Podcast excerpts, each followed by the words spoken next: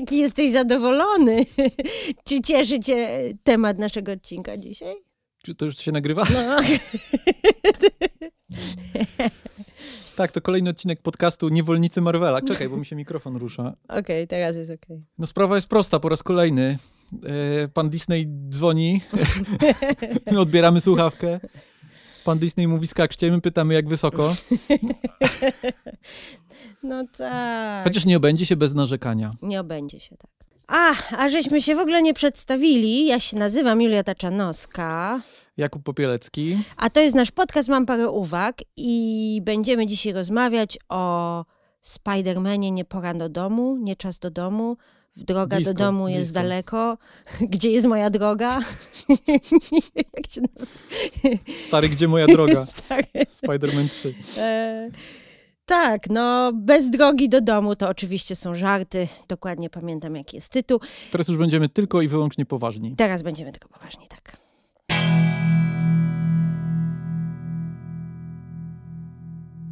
W ogóle nie przeczytałam twojego wspaniałego skryptu. Dobrze, bę- będą same zaskoczenia. Tak. Po prostu mam tam same takie argumenty, że po prostu... Że spadną mi kapcie. Mhm. Um, tak jak Mary Jane na moście. Yy, tak, za, za, za, zacznę zaskakiwać cię od tego, że zanim zaczniemy rozmawiać o Spider-Manie, oczywiście prześledzimy y, filmową historię Spider-Mana, począwszy od serialu z lat 70. i japońskiej wersji Spider-Mana. A widziałeś to w ogóle? Y, Ten, ten serial z lat 70. widziałem kiedyś na VHS-ie.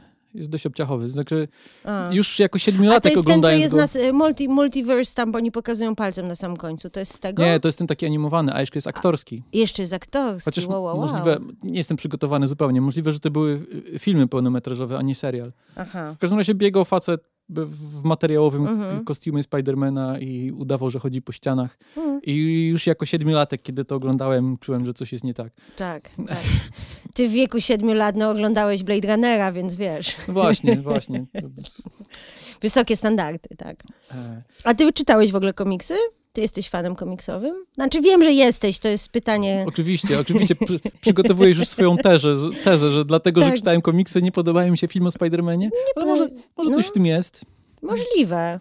Znaczy, może nie, nie to, no, powiedziałeś kiedyś, e, że twoj, to Spider-Man był przez jakiś czas twoim w ogóle ulubionym komiksowym bohaterem. Póki nie poznałem X-Men. Tak. I mi się Filmów o wydaje... X-Men też nie lubię swoją Te, drogą. też nie lubi. No, wi, no widzisz, że po prostu jak ma się coś, co się kocha, ja to porównałam do filmów historycznych, e, które ja lubię oglądać i jak znam prawdziwą historię i oglądam potem i coś nie pasuje, to się wkurzam, mimo że filmy czasami są całkiem przyzwoite, jak na przykład wspaniały film e, Król z e, Timothy Chalamet który, o Henryku V, który Od razu wiedziałeś, jak to się skończy. od razu wiedziałam, jak się skończy i nie szło to tą drogą, którą myślałam, że pójdzie. No nieważne. Dygresja. Chodzi o to, że po prostu ludzie, jak lubią rzeczy, to potem skonfrontują się z czymś innym wyobrażeniem i to nie zawsze działa. Możliwe, natomiast jest co najmniej jeden film o Spider-Manie, który bardzo lubię. Do tego przejdziemy. Aha. E, I są też różne inne komiksy, które czytałem jako dziecko, na przykład o Batmanie. E, I nie przeszkodziły mi cieszyć się różnymi filmami o Batmanie. Mhm. Już Batman tutaj- Forever na przykład. Batman Forever, kiedy wszedł do kin, mi się podobał. Mhm. I mam dość dziś ambi- ambiwalentny stosunek Mhm. do tego filmu, ale nie uważam, że jest tragicznie zły. Nie, nie, jasne, jasne. E, I dla porównania, kiedy Spider-Man Raimiego, sama Raimiego Mhm. weszły do kin, to średnio mi się podobały, zwłaszcza ten pierwszy. Pamiętam, Mhm. że miałem taką, Byłeś jakąś, rozczarowany? jakąś taką konfuzję. Może nie tyle, nie tyle rozczarowany, ale nie miałem takiego, wiesz, jak się, nie wiem ile miałem wtedy lat, czekaj, 15, coś takiego. Możliwe, Mhm. że byłem już za stary, ale No, byłeś za cool. byłem za cool. Nie, ale to nie tak, że nie chciałem ich lubić, Mhm. że...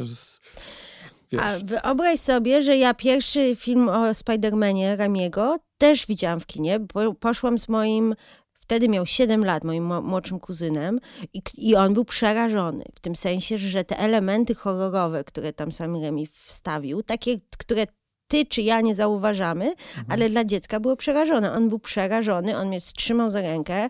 do dziś jak e, patrzę w lustro, to widzi Willema, Willema Williama Dafoe. Który, ale tam jest elementy y, Mhm. naprawdę przerażające dla takich dzieci, tak mi się wydaje. I cokolwiek Okej, powiemy... mamy już no, kontrowersyjną tezę podcastu. Spider-Man nie dla dzieci. Nie dla dzieci.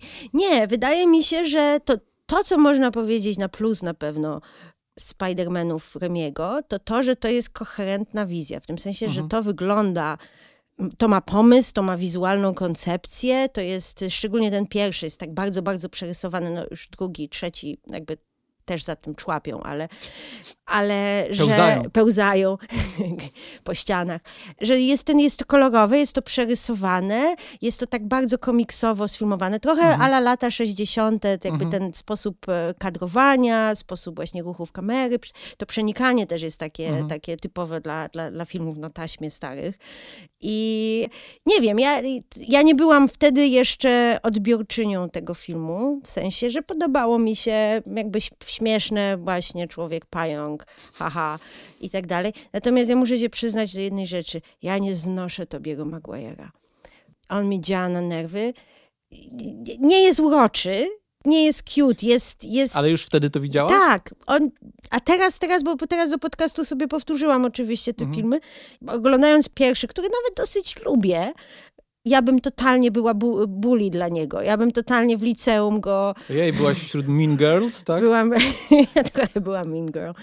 W każdym razie... Ty byłaś Flashem Thompsonem. No, Gdybyśmy rozdawali rolę z uniwersum. Nie wiem, może... Y, no i inna rzecz jest taka, że wszyscy licealiści wyglądają dużo starzej niż, niż nauczyciel. No, to widać, że to są po prostu starzy ludzie, że Toby Maguire ma dwadzieścia parę lat i to też dodaje do tego taki jakiś dziwny...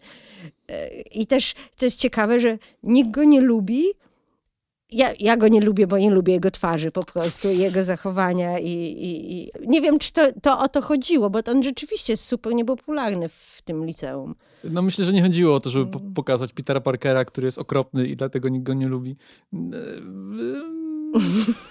Chociaż okej, okay, jak, już, jak już się przyjeżdżamy po Tobie Maguire'ze, to ja powiem tyle. No ja też nie jestem e, do końca jego fanem. Nie mhm. jestem fanem też jego wersji Petera Parkera, który jest taki autystyczny jakby. Jakiś jest, nie, on jest jakiś taki... I to nic przeciwko ludziom z autyzmem oczywiście. Nie, tylko... on, jest, on jest jakiś taki, jakiś... Nie, poza tym jest super creepy, jak ciągle chodzi za tą Mary Jane i... No to jest inna, inna rzecz, e, bo Kristen Dunst ja bardzo lubię i ona jest e, w porządku, ale mam wrażenie, że oni wszyscy jacyś jakoś dziwnie grają, jacyś są dziwni. Chociaż to jest trochę wypadkowa tej konwencji, o której powiedziałaś, no. tego takiego stylizowania trochę na komiks, trochę tak. na stary film y, z lat 60., tak. Spider-Man jest postacią bodajże w latach 60. stworzoną, więc to na mhm. pewno jest celowe, celowa taka stylizacja ze strony sama Raimiego.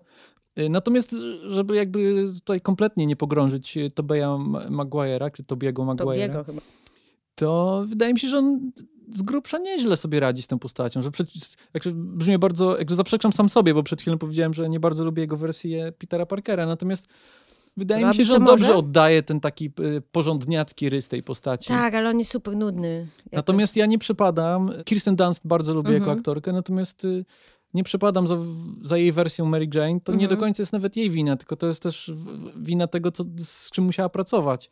Bo zwłaszcza w drugim filmie, mhm. jakby Mary Jane powinna być takim światełkiem w życiu, w smutnym mhm. życiu Petera Parkera, natomiast ona jest jakimś takim kłębkiem depresji i zwłaszcza w drugim filmie tak naprawdę trudno pomyśleć, czemu on tak ją kocha. Ona jest cały czas dla niego niemiła. Okej, okej, okay, on wysyła, okay, on wysyła sprzeczne sygnały, no, mówi, chcę z tobą być, nie mogę z tobą być. No tak, no tak. Więc e, rozumiem, natomiast jakoś brakuje mi tej takiej pozytywnej strony Mary Jane. Mm. Nie wiem, mi się wydaje, że ogólnie u, ale to jest być może, że to jest z komiksu, y, prawdopodobnie to jest wzięte z komiksu, ale że do jasnej cholery, czy możemy już przestać z y, nie będę z tobą dziewczyno, chociaż cię kocham, y, bo nie chcę cię narażać na, na niebezpieczeństwo, prawda? Tak, Pomyśl... jak dowodzi najnowszy film, to jakby ten trop jest wciąż aktualny. No ten trop jest wciąż aktualny, to jest bardzo nieprzyjemne.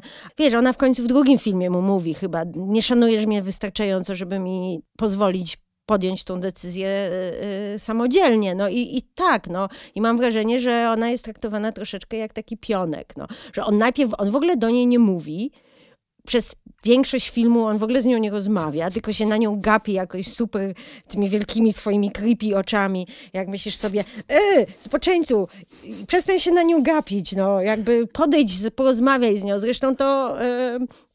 James Franco do niego mówi, e, Harry do niego mówi, idź z nią porozmawiaj. On mówi, nie, nie, nie, nie, nie. Więc Harry idzie z nią rozmawiać. No, no tak, no jakby można rozmawiać z dziewczynami, jest okej, okay, dziewczyny nie gryzą, no. Chyba, że się Creepy Tobie Maguire'em może rzeczywiście podjął dobrą decyzję. Dobra, ale za bardzo rozmawiać. idziemy w jakieś takie tak. osobiste, osobiste... Ja powiem tylko tyle może, że, że co by nie mówić o filmach Raimiego, mm. można je, je, lubić albo nie, ale wydaje mi się, że to jest najlepszy reżyser, jaki pracował ze Spider-Manem mm -hmm. i reżyser, który najlepiej zarządza całą taką te techniczną stroną e, i narracyjną stroną mm -hmm. tego, czym jest kręcenie filmów to widać raz w tym, jak on panuje nad tonacją, nad tak. tym, jak te filmy z grubsza trzymają ten taki tak, komediowy tak. ton, ale kiedy trzeba uderzyć w coś bardziej dramatycznego, tak. on jak najbardziej jest, y, dorasta do, do zadania. Tak. Sceny akcji też są tak powtórzyłem sobie scenę akcji e, z drugiego Spidermana, mm -hmm. pojedynek Spidermana z doktorem Octopusem. No i czegoś takiego to, to niestety, ale nie ma w filmach Marvela. To prawda, to, to prawda. Tam jest Okej, okay, efekty się zestarzały, widać, że to są cyfrowe figurki, trochę mm -hmm. jak w mhm. tej niesławnej scenie z drugiego Matrixa, gdzie Neo walczy mm -hmm. z mhm. armią agentów Smithów, ale na poziomie tego, jak to jest opowiedziane... Tak, że... że... Znaczy, ta, ta, scena pojedynku jest sama w sobie jest jedną opowieścią, gdzie tak. zmieniają się też stawki w trakcie, gdzie kamera pracuje tak, że wszystko widzimy, gdzie zmienia się dynamika e, relacji między bohaterami, e, pomysły gonią jeden za drugim, pomysły na to, jak zainscenizować mhm. ten pojedynek i co może jeszcze zrobić dziwnego Doktor Octopus mhm. ze swoimi mackami, a co może zrobić Spider-Man, jak każdy ma swoje własne moce, które jakoś odbijają się od siebie nawzajem.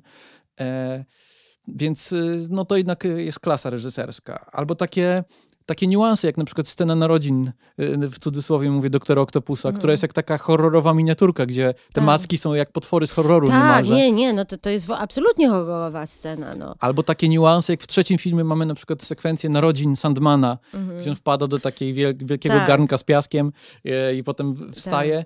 Tak. To nie jest moje myśl, ja się gdzieś z tym spotkałem, y, nie pamiętam, gdzie to przeczytałem, ale to jest bardzo cenna uwaga, że mniej, słabszej klasy reżyser po prostu by zainscenizował triumfalne narodziny Człowieka Piasku, który po prostu powstaje mm. i mówi, ho, ho, ho, jestem taki silny.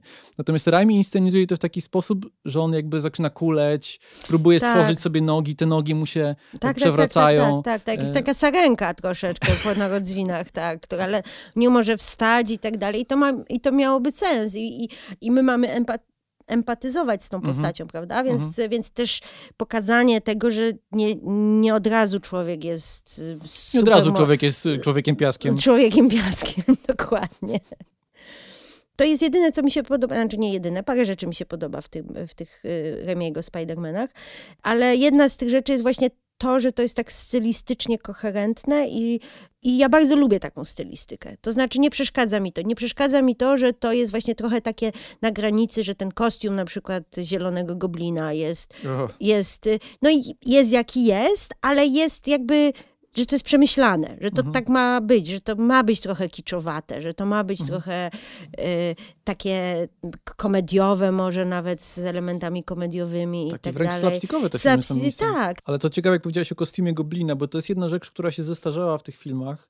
Myślę właśnie o kostiumach mhm. i nie myślę tylko o kostiumach superbohaterskich, ale myślę w ogóle o modzie. To jest początek A. lat 2000 i to jest taki czas, który się nie zestarzał dobrze. Może po prostu jakby to jest no wciąż za blisko. No. Może za 10 lat wrócą. No nie, to teraz... Lata to, to, są, to, są to jest początek 2000, no mhm. no to, to już trochę ta moda wchodzi teraz. No. W drugim jest, bo ten drugi jest uważany za taki najlepszy film mhm. i on ma dużo fajnych rzeczy, zgadzam się, natomiast jest tam parę po prostu bardzo, bardzo irytujących mm, albo takich nie, niespójnych. Na przykład cała akcja z jakąś rosyjską dziewczyną, córką. Mm. Oni tam jedzą jakiś tort w pewnym momencie, jest jakaś scena i potem ona nigdy nie wraca. To w ogóle I... te filmy są mimowolnie, przepraszam, że ci no. przerywam, one są mimowolnie rasistowskie na przykład, bo tutaj są ci mm. imigranci, tak. tam jest ta chińska pani, która śpiewa piosenkę o Spidermanie tak. na ulicy, jeszcze kilka jest takich tak, motywów. Tak, tak, ale to jest takie dwutysięczne, tak. Ra rasizm taki, tak. Też jest w pierwszym, e, w pierwszym taki homofobiczny żart, gdzie jak Peter Parker walczy w tej klatce z tym zapaśnikiem, zapaśnikiem i mówi mówi, że kto to zrobił, twój mąż, prawda? Kto zrobił twój kostium, twój mąż i tak jakby, okej, okay, jakby, no nawet jeżeli, to... Ja też pamiętam, że moje wrażenie po tych filmach w latach 2000 było takie, że o dziwo y, dużo lepiej udało się oddać ten aspekt jakby emocjonalny, ten aspekt codziennego życia Petera Mhm. Parkera niż te sceny spektakularne, że tak powiem. Chociaż to, to teraz jak na nie patrzę, to nie wiem, czy się sam ze sobą zgadzam, bo przed chwilą właśnie rozpływałem się Mhm. nad sekwencją pojedynku z doktorem Ale nie, Octopusem. ale pomyśl sobie o drugim, że tam jest naprawdę dużo bardzo takich ikonicznych ujęć, które jak myślisz o Spider-Manie, to Mhm. Tak. po prostu widzisz, prawda? Już nie mówię o tym, że ta scena z, Z Jezusem. z Jezusem na, na, na łapanie metra, prawda? Mhm. Czy ta scena, kiedy leci samochód przez szybę Mhm. i, i Spider-Man robi ten taki... To, to, to jest bardzo ikoniczne, no.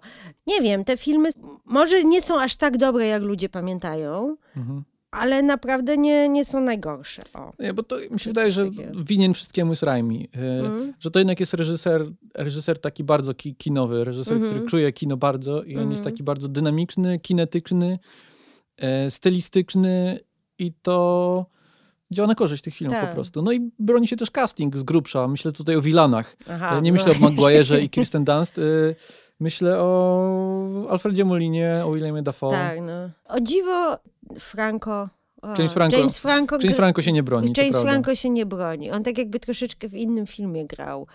No i też się nie bronią krzyczące panie. Mhm. To też jest coś, Tak, chyba w każdym filmie Mary Jane zostaje na Porwana. koniec filmu sprowadzona do, do roli Krzyczącej, krzyczącej, tak, tak, tak. krzyczącej porwanej panny. Mimo, że ona jest postacią, to nie jest tylko ładna buzia, która tam się przemazuje i jest po to, żeby być po... Nawet ciocia, uratowana. nawet ciocia May ma parę takich y, cennych scen, tak, Tak. bym powiedział. Zwłaszcza w drugim filmie, gdzie tam jest ten motyw, że dom musi być sprzedany. Tak, ona, tak. jest jakby, ona trochę ma też, y, trochę ma za złe Parkerowi tę sprawę całą z Wickiem Benem Tak. i tak dalej, więc no. No, muszę powiedzieć, tu się jeszcze przyznam, że chciałam powtórzyć wszystkie Spidermany do naszego podcastu, ale niestety, kurde, trzeciego nie dałam rady do końca. Po prostu Ciekawe czemu. odpadłam w połowie, po prostu już byłam tak zmęczona. A w którym momencie odpadłaś? To ciekawe. Czekaj, czekaj, czekaj, czekaj. Chyba, bo jeszcze y, bitwę z piaskowym y, kolesiem, bo, bo to jest fajna bitwa, jak oni, jak oni się piją, to, to chyba, chyba po tym jakoś. To Peter jeszcze nie zaczął Eee, tańczyć. Nie, nie, nie, już, ale już i tak byłam zmęczona, po prostu za dużo tam rzeczy było. Tak, no to jest klasyczny, klasyczny trzeci film, gdzie jest za dużo czarnych charakterów, Mhm. za dużo wszystkiego i też widać, które rzeczy interesują Raimiego, a które nie. Mhm. Venom ewidentnie tam jest wciśnięty po prostu Tak. na doczepkę. Panowie ze studia Sony albo panie Amy Pascal Mhm. e, powiedzieli, Tak. hej Sam Raimi, ludzie lubią Venoma, weź go Tak. gdzieś tam wrzuć.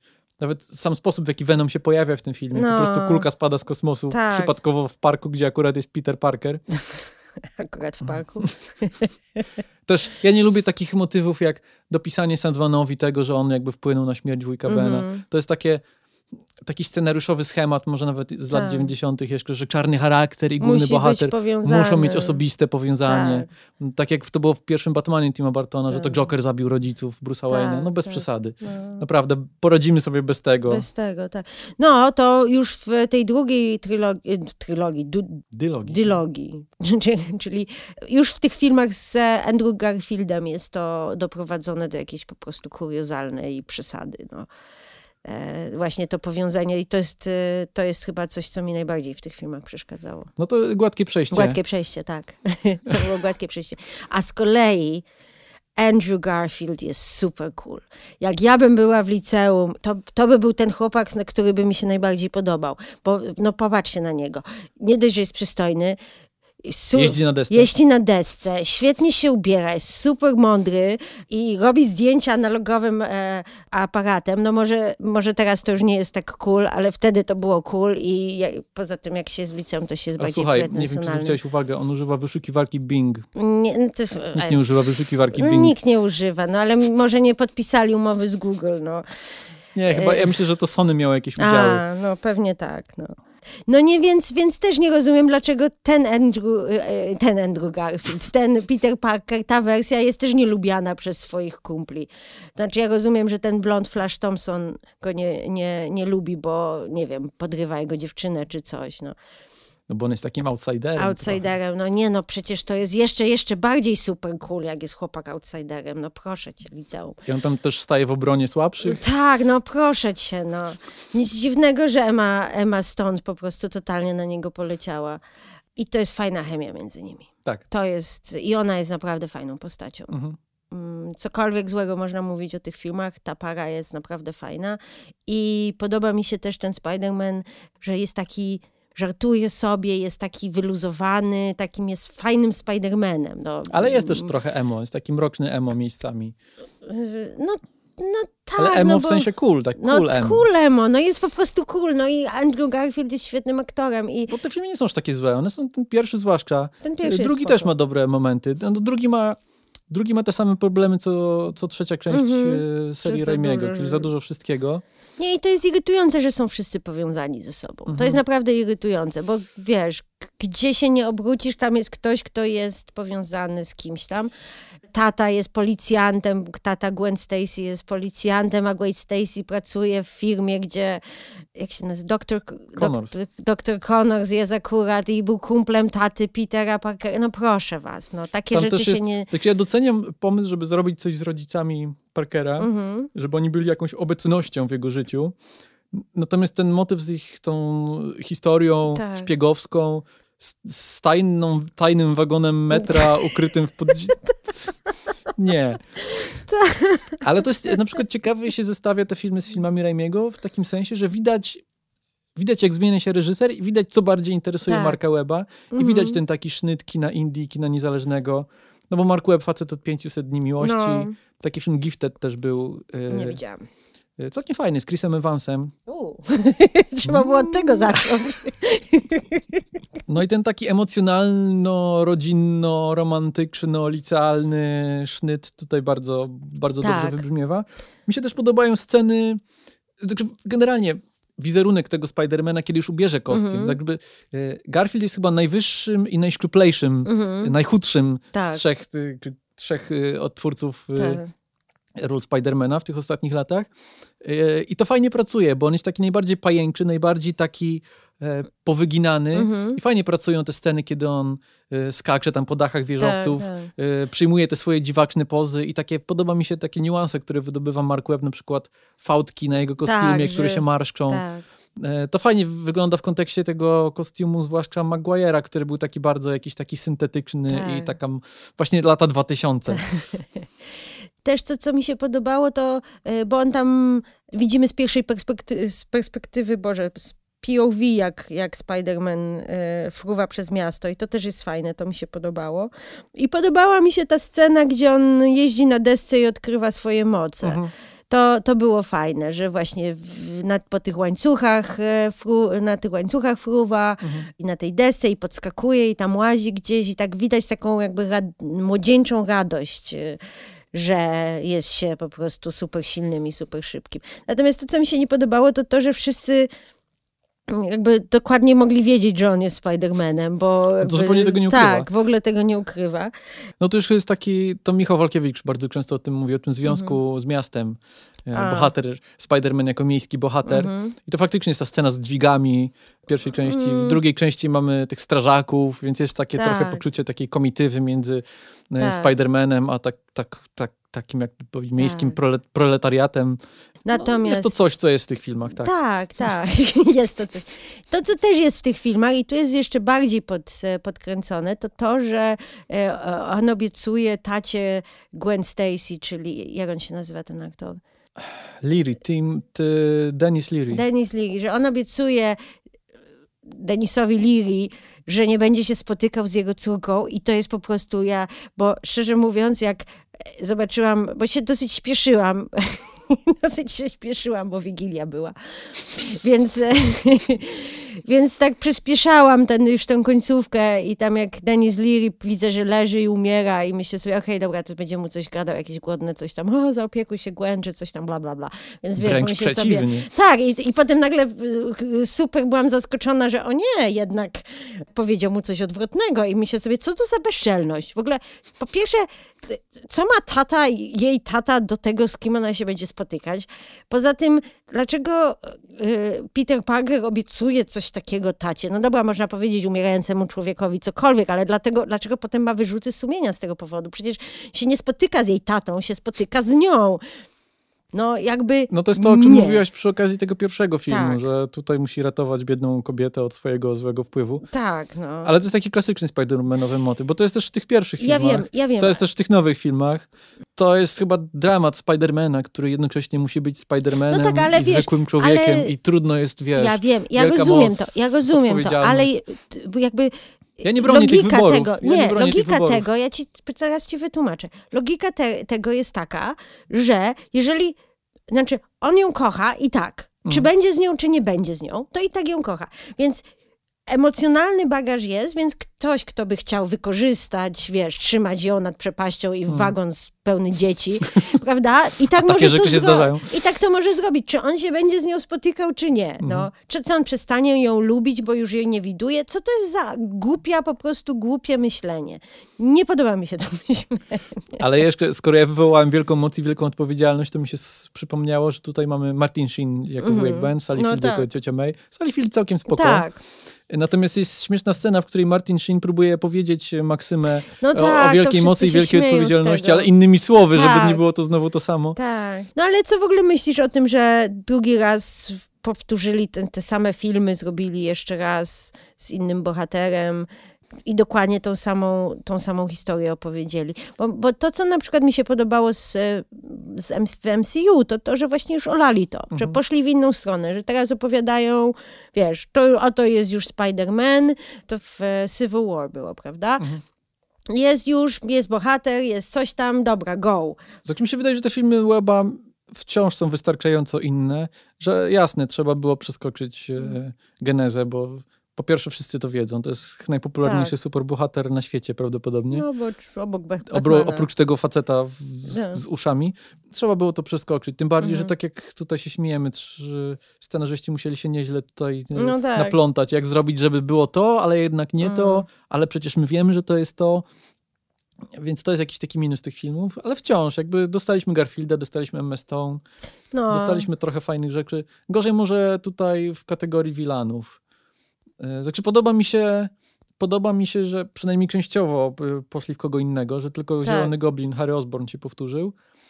E, No ale ten rys Ifans jako, jako jaszczur trochę za bardzo jest taki jednowymiarowy moim zdaniem. Jamie Foxx jako Elektro z kolei za bardzo Nie, idzie no. w, w późnego Ediego Murphy'ego. Tak, jakieś, jak, jakaś dziwna fryzurka, jakieś... i też znowu nikt go nie lubi. No. Mhm. Dlaczego go nikt nie lubi? No jakby przestańcie, tak nie działa świat, że, że ktoś jest po prostu nielubiany przez wszystkich. Ale Dane DeHaan jako, jako Harry Osborn okej, zwłaszcza w porównaniu z Jamesem Franco. No nie, James Franco. Nie, jeszcze, czekaj, to w trzecim był, że James Franco dostał amnezji, tak? Tak. Jezus Maria, to było straszne. A potem się y, jego lokajowi, jakże lokajowi jego ojca przypomina po trzech filmach, Mhm. y, że hej Harry, to jednak nie Spider-Man zabił twojego ojca. Mhm, Mógł mu, mu to powiedzieć No, trzy filmy temu, ale tak. no cóż, tak. zbliżał się finał trylogii, więc... No tak, trzeba było. Ojoj. No i w drugim filmie też czu- czuć za bardzo, też powiedzieliśmy, że za Mhm. dużo rzeczy, ale też widać, że Sony tutaj miał chrapkę na, na uniwersum, Mhm. bo oni próbują podbudować wszystko. Tak. Mamy i Sinister Six, i pojawiają się postacie z potencjałem na przyszłość, Mhm. i Fel- Felicity Jones jako Black Cat, jeszcze parę różnych takich postaci. Tak, tak. Scenę po napisach, e, jakby wiesz, już... Była scena po napisach? Ojej, to Tak, też była się. Wigilia chyba. Wydaje mi się. Nie to, nie, to już był pierwszy dzień świąt. Jest taka chyba scena, jak BJ Nowak bodajże, grany przez... Jak Alistair Smite, grany przez BJ Nowaka, wchodzi Mhm. do takiego sekretnego pomieszczenia Mhm. i tam są, wiesz, macki No tak, doktora tak, tak, Octopusa, tak, tak, coś tak, tam, to, coś tam, to, coś to tam. widziałam. Tak. A może to nie jest to po nie napisach? jest po napisach, Okej. nie, nie. Ale funkcjonuje jak taka Tak. scena po napisach. Nie no. Wydaje mi się, że ten film... że ten film był chyba najsłabszy z, z tych wszystkich e, jakby do, dotychczas starych, starych o filmów. Amazing E, 2? Tak, Amazing 2. E, Nie, na pewno nie jest słabszy Nie. niż trójka Raimiego. Myślisz? Nie, ja Mm. myślę, tak, jestem przekonany. A, jesteś przekonany. Tak, no możliwe, że masz rację, bo trójki nie Trójka się tak zmęczyła, że jej nie skończyła że nie, oglądać. nie nawet. skończyłam oglądać, ja to jednak skończyłam oglądać. Też też przeskakiwałam, powiem szczerze. No na szczęście następny film o Spider-Manie, jaki e, pojawił się w kinach. Czekaj, nie, to już był Holland po drodze. Mm, Ale zanim przejdziemy do Hol- Hollanda, tak. to chciałbym porozmawiać o pewnym filmie animowanym. O, tak, też sobie powtórzyłam. To jest y, moim zdaniem najlepszy film o Spider-Manie.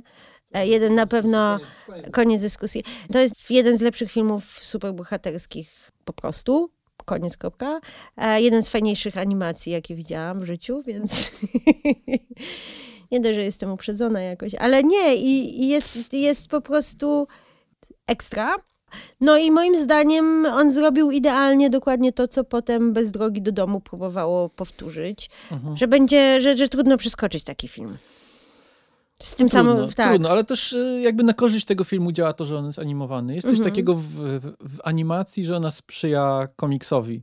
No, nieprzypadkowo Lego Batman jest też jednym z lepszych filmów o Batmanie. No, to prawda. E, albo serial e, Batman Animated Series jest Mm. tak dobrą wersją e, Batmana, że jednak pewien taki przeskok logiki, jakieś Tak. takie zawieszenie niewiary, którego Tak. wymaga od nas konwencja superbohaterska, w animacji jest dużo, dużo łatwiejsza dla widza. tak. No i ten film jakby zdecydowanie Ale e, też e, czerpie z, tej- z, tak. z, tej, z tej korzyści. To prawda, ale też jakby sama struktura scenariusza Mhm. jest świetna, ale też i sama animacja jest po prostu wspaniała. Przecież Mhm. to jest orgia kolorów, po prostu gałki oczne mi eksplodowały.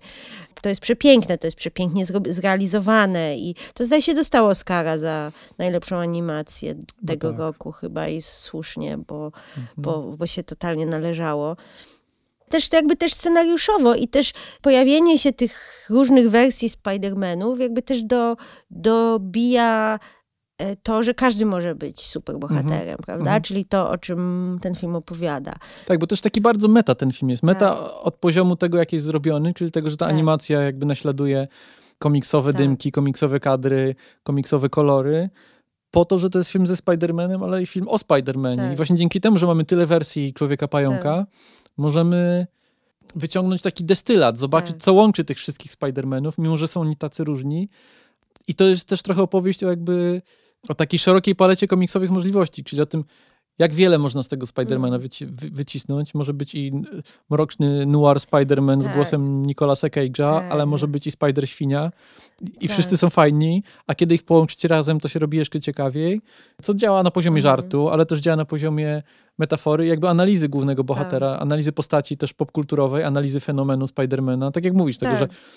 e, okej, oni są wszyscy inni, więc każdy może być Spider-Manem, ale zarazem każdy jest wyjątkowy Mm. i, i tak dalej, i tak dalej.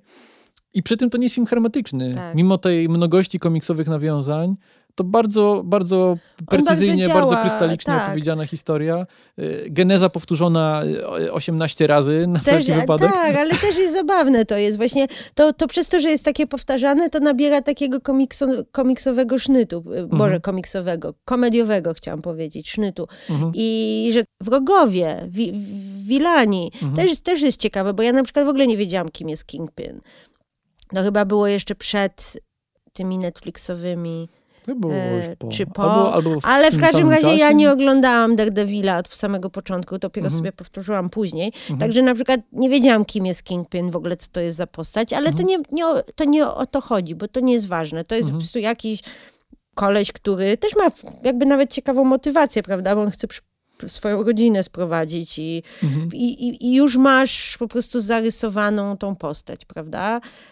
I też mi się podoba, jak Peter B. Parker Mhm. przechodzi do tego świata Spidermana, Ma- Milesa Moralesa, prawda? Się, I też się zmienia, jakby też przechodzi drogę bohatera, prawda? Gwen Stacy też się otwiera, prawda? Nie wiem, jak tam ta pozostała trójka, czy oni aż tak wyraźną mają, e, mają drogę, ale oni są raczej postaciami pomocniczymi, o to mi Mhm. chodzi. Mhm. To jest też fajna wersja cioci May. Ciocia Tak. May, która jest takim jakby Alfredem e, Batmana, Tak, która zarządza jaskinią pająka, tak, to Tak. możemy chyba nazwać. tak, tak, tak. E, Spuścizną. Fajna taka pro- proaktywna wersja cioci May, która nie jest tylko mówi, a Peter, Peter, Tak. uważaj, tam Spider-Man, tylko która jakby aktywnie współuczestniczy w jego superbohaterskiej karierze. Tu może trochę w MCU próbowali pójść w tę stronę, ale w zasadzie nie poszli Nie, w tę stronę i no. trochę nie poszli w żadną stronę. tak. Może to jest moment, żeby przejść do, do Spider-Man to w- na jest- wersji Toma Hollanda. Chyba, że masz coś jeszcze do, do Czy uniwersum. ja jeszcze coś mam do uniwersum? Czekamy No. na sequel. Czy dwa sequele A mają być dwa sequele? Tak. Zaczęli Mm. kręcić sequel i chyba w trakcie odkryli, że jednak mają za dużo pomysłów. O, Trochę się boję. bo to Lo- Lord Miller, tak? Tak, ale oni są chyba tylko producentami, Aha. ewentualnie scenarzystami. To nie Aha. oni reżyserują. To i tak czuć, bo to jest takie lekkie. Cała ta opowieść jest lekka.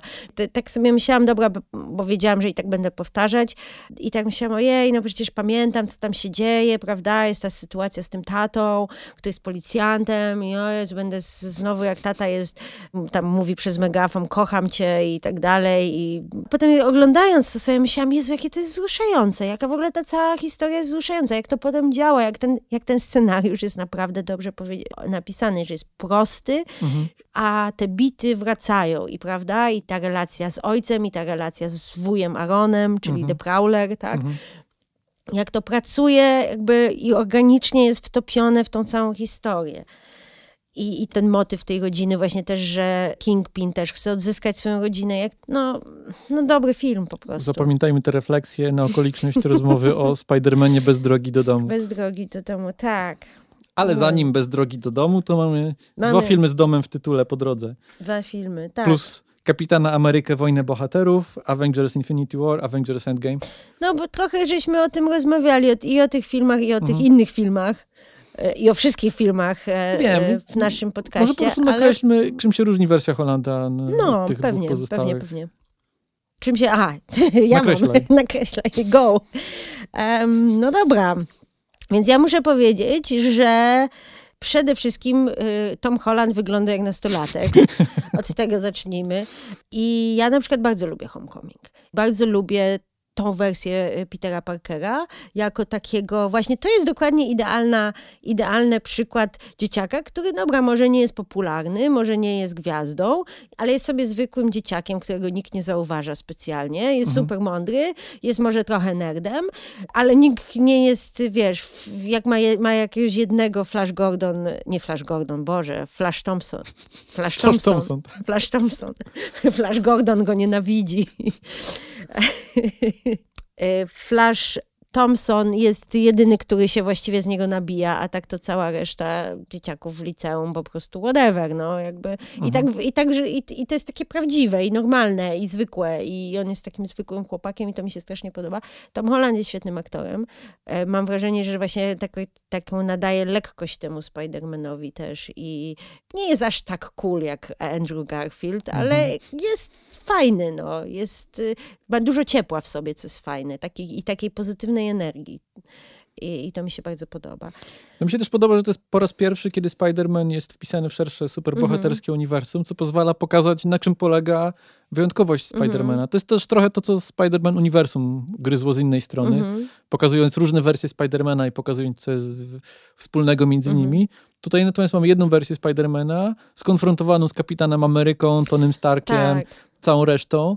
I ja, jeśli chodzi o tego Spidermana z MCU, to muszę powiedzieć, że ja go najbardziej lubię właśnie w tych filmach zbiorowych, czyli Mhm. właśnie w Civil War i w dwóch częściach e, Avengers, bo cały, cały numer tkwi w tej, w tej interakcji, właśnie Tak. tego niby obdarzonego supermocami e, i wielką odpowiedzialnością, ale jednak, Dzieciaka. jednak dzieciaka. Tak. I to bardzo, bardzo fajnie pracuje i jest czymś też świeżym w kontekście filmowym Spidermana. Natomiast jeśli chodzi o Hollanda i generalnie te filmy, to ja też, też je lubię. Nie jestem jakimś No, wielkim nie fanem. jesteś fanem. Ja je po prostu Ja na lubię. przykład bardzo, bardzo lubię Homecoming. Też właśnie w takim kontekście tego, że to jest taka fajna opowieść o, o, o liceum i o coming of age. I to, jak on jest na końcu taki, że, że on jakby ze starciu z tym Vulture, y, Vulture, tak? Ze skrzydlatym sępem, jest właśnie taki naiwny i taki prostolinijny i tak właśnie, że, że, że, że Michael Keaton mu tłumaczy, hej chłopcze, prawda, to nie jest takie proste wszystko, a on mówi, nie, to właśnie jest takie proste i że to jest takie naiwne i słodkie i urocze i, e, i że jest takim kochanym chłopakiem, no. No to też kluczowa jest ta relacja właśnie Mhm. z tymi jakby jego mentorami łamane na przeciwnikami, tak, bo tu jakby ta pustka po wujku Benie jakby Spider-Man próbuje wypełnić tę pustkę tak. Tak. jakby i tu mamy kolejne figury zastępczych ojców, tak. od Tonego Starka przez właśnie Sempa, po w zasadzie w pewnym sensie Quentina Becka Mysterio, który też Tak. jakby próbuje zająć miejsce po, po Tonym Starku. tak. I to bardzo dobrze działa w tych filmach. Jakby Michael Keaton chyba najlepiej, ale Tony Stark i Tom Holland to jest też No złoty nie, duet, wiadomo. to jest złoty duet, to jest taka chemia. No i scena, kiedy oczywiście Tom Holland umiera w, No, ramionach Tonego wszyscy Starka. płaczemy. Wszyscy płaczemy. A E, potem znowu jak Tony Stark w Endgame go przytula i on tak o... Hmm. I też tam zaczyna mu opowiadać, to też mi się tak podoba. Mi się naprawdę bardzo, bardzo podoba ta energia Toma Hollanda, którą on wnosi do tej postaci. No tu też zdrowy pomysł, żeby pominąć e, genezę. No, Marisa Tomei jako ciocia May, fajny pomysł, z którym w zasadzie nic nie zrobiono. Trochę takie mam wrażenie, że to jest jakby zmarnowany potencjał i aktorki, i postaci, i, i pomysłu. też mi się tak wydaje, że to, że ona jest e, atrakcyjna, to jest fajnie i to, że on, prawda, e, Robert Downey Jr. i, i Marisa Tomei gdzieś zgrali w innych filmach i razem i tak dalej, że tam jest jakaś taka przyjaźń, że w Civil War była taka fajna dynamika między nimi i też oni w ogóle jakby nie poszli, to znaczy już więcej ci bohaterowie razem nie mieli nic do czynienia ze sobą właściwie. Ale bardzo fajnie na przykład ten wymiar, mimo wszystko ludzki tego filmu na tym poziomie Mhm. takim licealnym, czyli relacje z, i z Nedem jako takim kumplem Tak. i ten, nie wiem jak to powiedzieć, chciałem powiedzieć romans, ale to za duże jest słowo z MJ, tak. e, który jest taki chyba najprawdziwszy z tych, tych trzech wersji Spidermana, taki najbardziej niezręczno-licealny Mhm, właśnie. Tak. No Zendaya oczywiście jest e, wspaniała, ale też ta postać jest ciekawa, prawda? Że to Mhm. jest taka też dziewczyna, która właśnie ma swoje problemy, jest wycofana, nie ufa nikomu i nie dziwisz się, że ona będzie, że, że tu jest jakieś przyciąganie między tymi postaciami, między dwojgiem takich dzieciaków, trochę outsiderów. Jeszcze y, też ten komediowy kontekst fajnie działa, Tak. działa pokazują, jakże sposób na pokazanie takiej codzienności Spidermana, który zamiast walczyć z jakimiś wielkimi czarnymi charakterami, to tutaj pomaga komuś przejść przez ulicę Tak. i generalnie siedzi i czeka, aż coś się wydarzy i nic się nie dzieje. Tak, tak. To w pierwszym filmie w- zwłaszcza. Tak, ale też ten Wolczek, bo często się zastanawiamy, gdzie jest reszta Avengers? Jest jakiś wielki kryzys w filmach solowych, dlaczego oni nie zawołają reszty ekipy? No, a tutaj masz po prostu bardzo prostą sytuację. No, jest kradzież i Spider-Man chce powstrzymać kradzież e, i jest za mało czasu, żeby zawiadomić resztę i tak dalej. Ja zresztą on tylko zna numer do Toniego Starka, który Który nie odbiera. który nie odbiera i mu powiedział, że ma przestać i w ogóle i tak dalej. Przynajmniej w tym pierwszym filmie. Ta, ta, te stawki są no friendly neighborhood po prostu, no właśnie, nie to, że koniec świata. Co już na przykład w drugim, dlatego mi się ten drugi dużo mniej podobał, że już o Jezu, rozwalają most i Londyn rozwalają i drony i coś tam, i coś tam i myślisz sobie, no to właśnie, raz, gdzie jest reszta? Dlaczego Nick Fury, który potem się okazuje, wiadomo, że się okazało scrollem, dlaczego Nick Fury e, nie robi nic? To jest jedna rzecz, którą, którą mam z tymi filmami post-endgame. Mhm.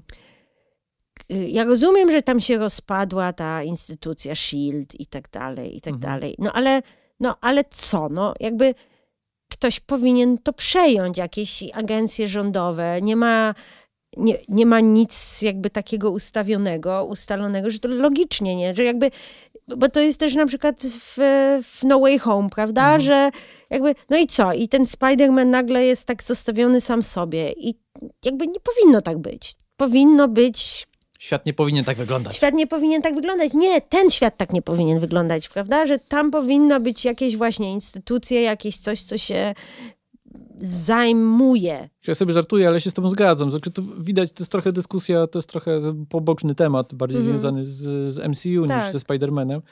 Ale widać, że ten pomysł, żeby tego pięcioletniego skoku, który się Tak. odbył w Endgame i potem przywrócenia wszystkich, Tak. którzy w międzyczasie zniknęli, był bardzo doraźny, jakby on naprawiał Tak. problem fabularny i bardzo dobrze pracował w samym Endgame.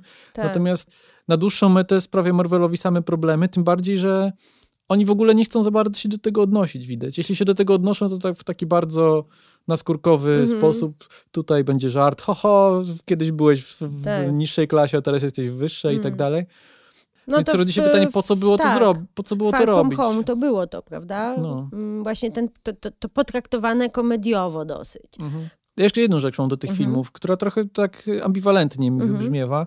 Mianowicie ten taki ko- kontekst korpokuszenia Spidermana przez, przez Tonego Starka A. i generalnie przez te technologie, które Tony Stark zrzuca na, Tak. na Petera Parkera. Tutaj super zabójczy kostium, Tak, y, tutaj, tutaj okulary, okulary, tak. y, które mogą wszystko i tak dalej, co z jednej strony pracuje dobrze w tych filmach, bo to jest jakby po prostu kolejna wersja tego Mhm. y, Spider-Manowego konfliktu wielkiej mocy i wielkiej odpowiedzialności, Mhm. ale z drugiej strony to trochę odejmuje tego aspektu takiego oddolnego, proletariackiego, miejskiego, friendly neighborhood właśnie. Tak, no tak, Że tak. to, już nie, to już nie jest taki, wiesz, samodzielny y, bohater, który robi pracę u podstaw, który Ja uszył, uszył sobie kostium na, Sam- na maszynie No, cioci wie- May. Więc wiesz, i tutaj wchodzi bez drogi do domu, prawda? Mhm. Bo on właśnie ci próbuje jakby przywrócić y, Spidermana do Tak. stanu zero, tak Mhm. dalej. Moja uwaga jest taka, że ja nie znam takiego Spidermana. Mhm. znaczy dla mnie to, jaką oni drogę zaproponowali dla Toma Hollanda, była, Mhm. była w- odpowiednią drogą. No, dlaczego każdy Spiderman musi być proletariackim Spidermanem? Mhm. Może nie musi, może rzeczywiście powinien być, y, wiesz, następcą Toniego Starka. No, No właśnie o to jakby chodzi, że czemu nie? Właśnie, ale to, to o to chodzi, że może to nie...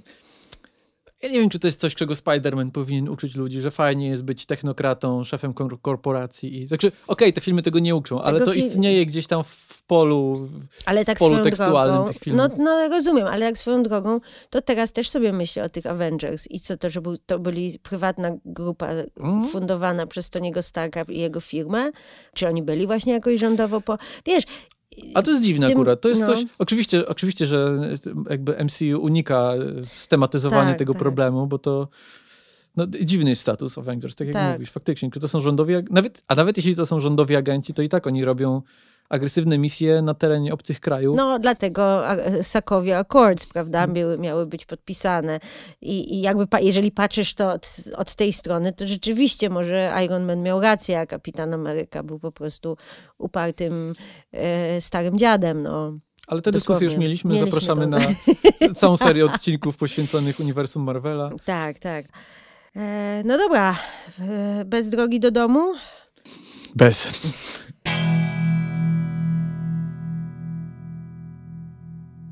Czy zaczynamy od e, odpowiedzi na pytanie, czy nam się podobało, czy nam się nie podobało? Nie, ja inną rzecz chciałam, od in, innej rzeczy chciałam zacząć, bo myśmy o tym filmie rozmawiali w Movisie i Mhm. gdzie nie mogliśmy spoilerować, więc tutaj uprzedzamy, to jest, będziemy teraz spoilerować, więc jeżeli słuchacie tego podcastu, to najwyraźniej wam nie przeszkadzają spoilery, jeżeli żeście oczywiście filmu nie widzieli. Albo jesteście jednymi z tych ludzi, którzy Koch- najpierw słuchają spoilerów, a potem oglądają Tak, film. też są tacy. Pozdrawiamy Łukasza Muszyńskiego. Ale coś innego chciałam powiedzieć. Strasznie trudno jest rozmawiać o tym filmie bez spoilerów. To znaczy, ja się czułam, powiem ci szczerze, jak kretynka.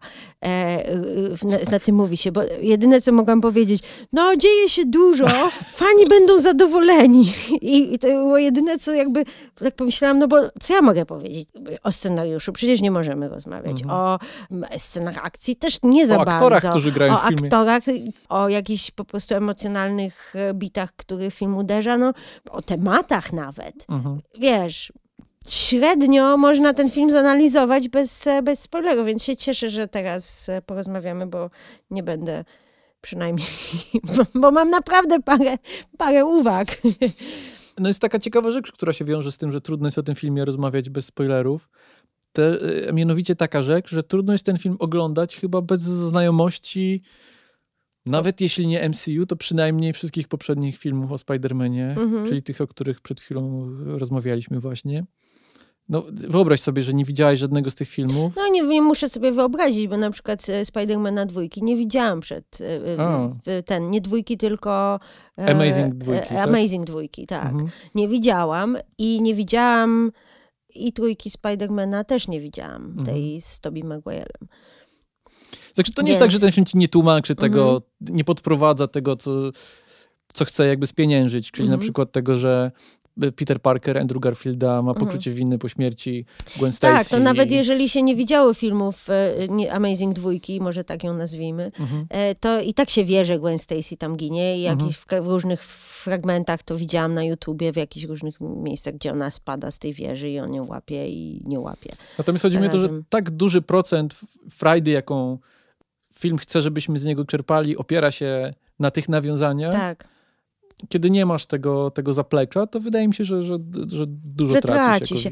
Właśnie to jest, to jest ciekawe, bo, bo na przykład y, multi, multiversum, tak? Into, into the Spider-Verse, prawda? To jakby kompletnie Mhm. Nie miało znaczenia. Czy zna się y, Spider-Świnkę, czy, czy, czy Mhm. anime dziewczynkę. Y, ten No tak, ale to film- był samodzielny film, Tak, o to chodzi. A to tak. jest film, który ma, jak pająk, ma w, wiele odnóży właśnie. Tak.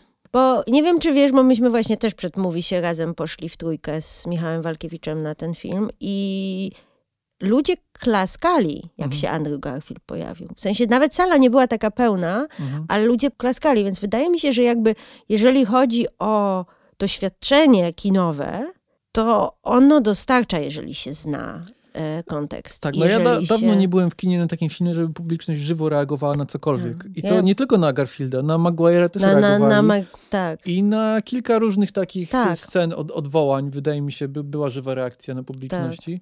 To jest coś To faktycznie. jest coś. No ja Chociaż byłam, można tak. dyskutować, czy aby to nie jest łatwe zagranie.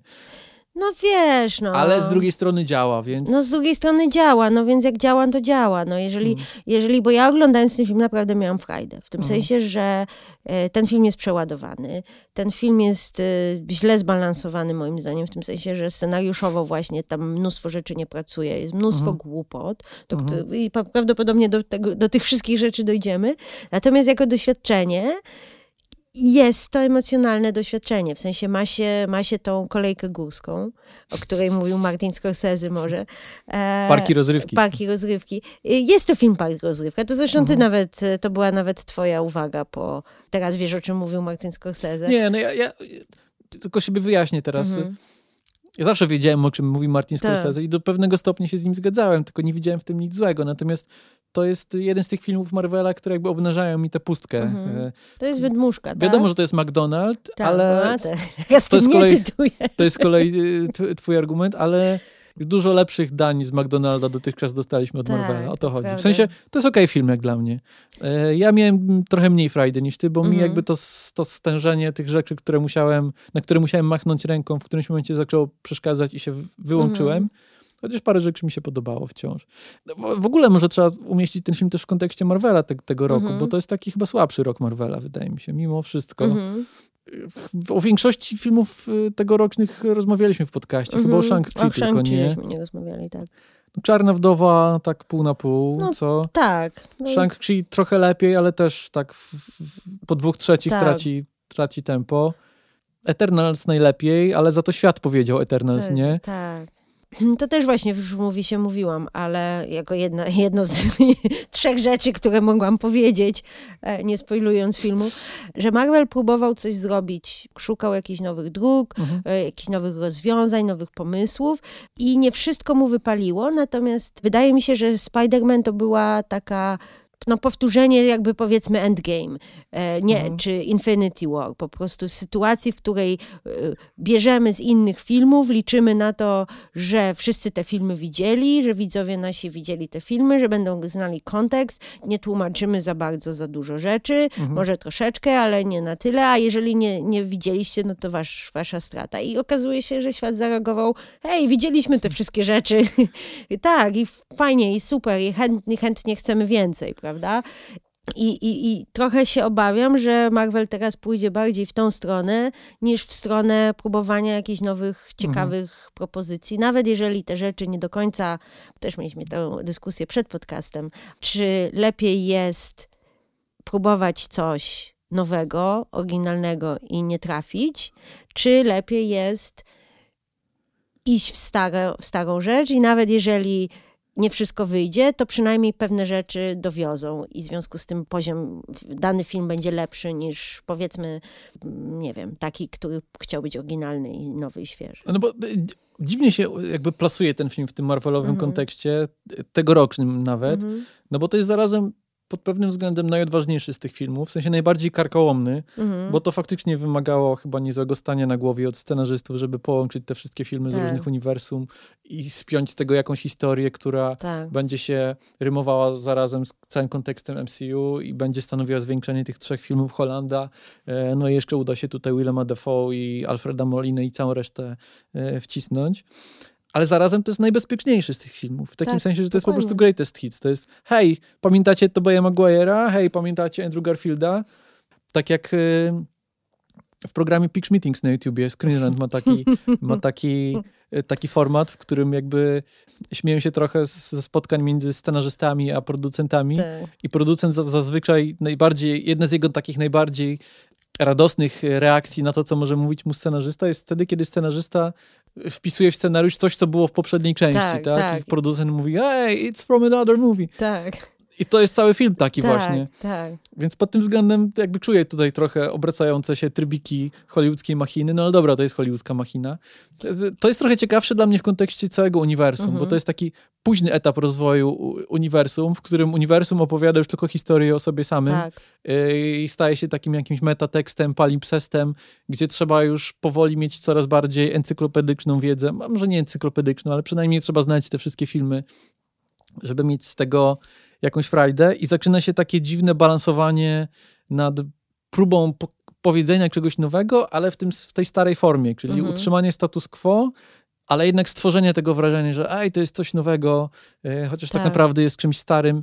I to, o dziwo, to jest takie miejsce, w którym chyba są teraz, przynajmniej od jakiegoś czasu już, e, komiksy, O, okej. które to, i, i, im to nie wychodzi na dobre. W sensie chyba publika się coraz bardziej kurczy i coraz bardziej to są ludzie, którzy czytają te komiksy po prostu od lat, natomiast staje się to hermetyczne i niezbyt interesujące dla nowych czytelników.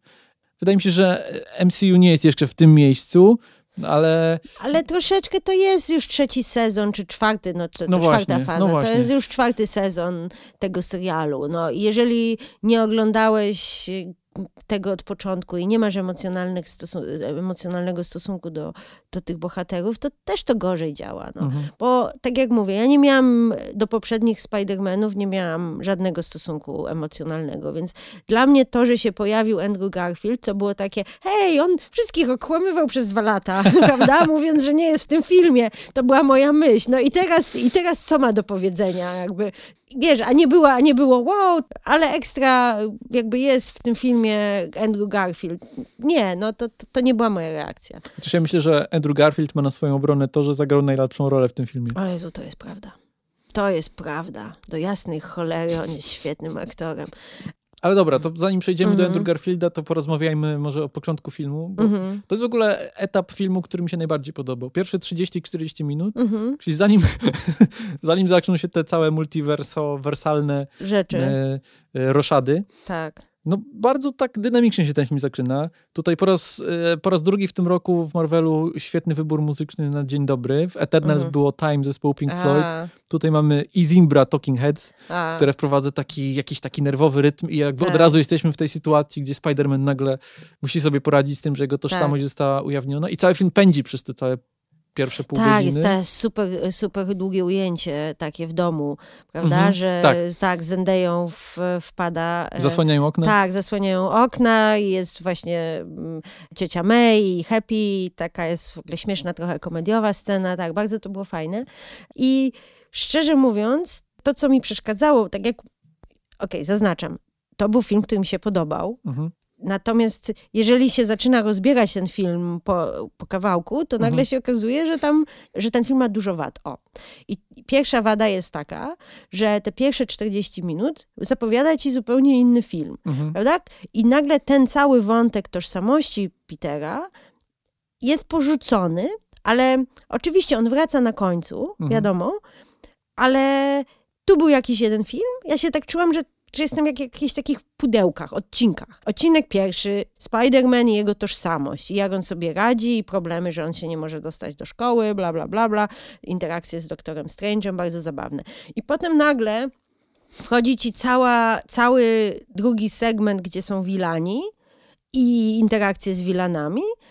I ty myślisz sobie, no dobra, to już się powinno kończyć. I nagle po prostu pojawia się kompletnie trzeci segment, gdzie się pojawiają inni Peterowie, Parkerowie. I to jest całkiem fajny segment. Mi się to bardzo podobało i w ogóle jako koncepcja. Tylko, że dlaczego to jest jedna, ostatnia trzecia, ostatnie trze... Hmm. Dwie, dwie trzecie, druga trzecia, trzecia trzecia, Trzecia, trzecia. trzecia trzecia, trzecia trzecia tego filmu, no jakby czemu oni nie mogli być wcześniej? Po co był mi ten cały początek? Jakby za dużo grzybów w barszczu. Z tego mogłyby być na serio trzy filmy, albo przynajmniej dwa. Że oglądając ostatni fragment, jak już się pojawiają Peterowie, Parkerowie, myślałam sobie, kurde, co to było na początku? Od, od czego to się właściwie w ogóle zaczęło? I cała ta w ogóle sekwencja właśnie, właśnie to, to długie ujęcie, czy ta walka na moście, która notabene, walka na moście z Doc Okiem, w pierwszym Amazing Spider-Man e, jest scena, kiedy jaszczur atakuje Mhm. i jest dokładnie, dokładnie są te same bity, to znaczy też są te samochody, które wiszą Mhm. z mostu na, na linach. Nie wiem, co to jest, jak to się nazywa. Pajęczyna, Pajęcz, tak. Na pajęczynach. Też jest ten moment, że tam jest koleś, który jedzie na lotnisko i nie wiem, czy zauważyłeś, że ta pani z MIT ma spaść z mostu i zapina pas. Mhm. Bo w e, Amazing e, Spider-Manie jest koleś, który spada, z, właśnie nie zapina pasa i się wali w, wali w siedzenie przed, czy w szybę Może ta pani widziała tam ten film. I tak miałam takie wrażenie, wiesz, nie pamiętałam tego, dopiero jak sobie powtórzyłam do podcastu to, ten, ten film, tą scenę, to nagle, aha, i dlatego ona zapięła pas, bo zwróciłam na to uwagę, że ona zapięła pas i sobie myślałam, o, mądrze, jakby powinna być zapięta. To dyg- dygresja, e, ale No to ja tak, o tych... Pół, tak, bo ci tych, zadałam pytanie. o tej pierwszej pół godziny powiem tyle, że ona mi się podobała też głównie dlatego, że tam jest bardzo dobre tempo. Mhm. Tak. Jakby nie masz czasu się zastanowić po prostu i dużo atrakcjonów. Tak. Jest Charlie Cox jako Daredevil z bardzo fajną sceną, A, gdzie jest mówi, jestem scena, bardzo tak. dobrym prawnikiem. Tak, łapię. Jest Stewie z sukcesji. Stewie z sukcesji, To, tak. jest, to jest coś, czego się bardzo nie spodziewałem w tym filmie. Co tam Andrew Garfield i Tobey Maguire? Stewie z sukcesji. Natomiast wydaje mi się, że trochę faktycznie y, to zagrożenie, które zostaje ustanowione wraz z tym, że tożsamość Spidermana zostaje ujawniona, jakoś bardzo szybko znika, jakoś tak Mhm. się rozmywa. Tak. E, znaczy z jednej strony wydaje mi się to absurdalne, że w ogóle rząd ściga Spidermana, bo przecież rząd wie, że Peter Parker jest Spidermanem, bo Tak. przecież czym jest S.H.I.E.L.D., jeśli nie rządem, jeśli nie Tak. organem rządowym. Więc nie wiem, o co w ogóle chodzi, na czym polega całe to Tak. halo. Chyba, może, chyba, że chodzi o to, że rząd mógł wcześniej udawać, że nie wie, bo to było tajemnicą państwową. Natomiast kiedy jakby mleko się wylało, to musieli, Jakoś e, zareagować. musieli jakoś zareagować. No, Natomiast z- jeśli już go ścigają, to potem jakoś za łatwo e, go puszczają. Tak, tak, bo co, bo przychodzi Daredevil i przychodzi jest, Daredevil. jest bardzo dobrym prawnikiem, to prawda, ale... To jest jego ale, supermoc. Tak, możliwe. E, nie, ale inna rzecz jest moim zdaniem głupotą, no, że Spider-Man się nie dostaje do MIT, e, w sensie Peter Parker się nie dostaje, jego kumple. Dla, dlaczego? Jakby, czy MIT by nie chciało mieć znanych studentów, no przecież to podnosi trochę prestiż y, uczelni. To nie jest tak, że oni są podejrzani o morderstwo czy coś. No, Znaczy niby są, prawda, ale, ale w sumie nie są. Swoją drogą, czy Happy nie mógłby zadzwonić do Pepper Potts i Pepper Mhm. Potts by nie mogła zadzwonić do MIT i powiedzieć, hej, e, skoro Tony Stark był, był Tak, studentem... nepotyzm jest rozwiązaniem. Ej. No wiesz, lepsze to niż e, cofanie czasu, czy Prawda. wymazywanie pamięci całego świata, no prawda? Lepiej zadzwonić e, ten. I już nie mówiąc o tym, że rzeczywiście Peter Parker mógł porozmawiać z tą panią i no niekoniecznie na moście, e, tylko... To jest dziwaczne, em, że po pierwsze, że w ogóle nie przychodzi mu do głowy, żeby wysłać odwołanie. Mhm. Po drugie, że on postanawia, że to jest najlepszy sposób. Będę ją gonił na moście, Tak, powiem jej, hej, proszę mnie przyjąć. tak. To jest głupie.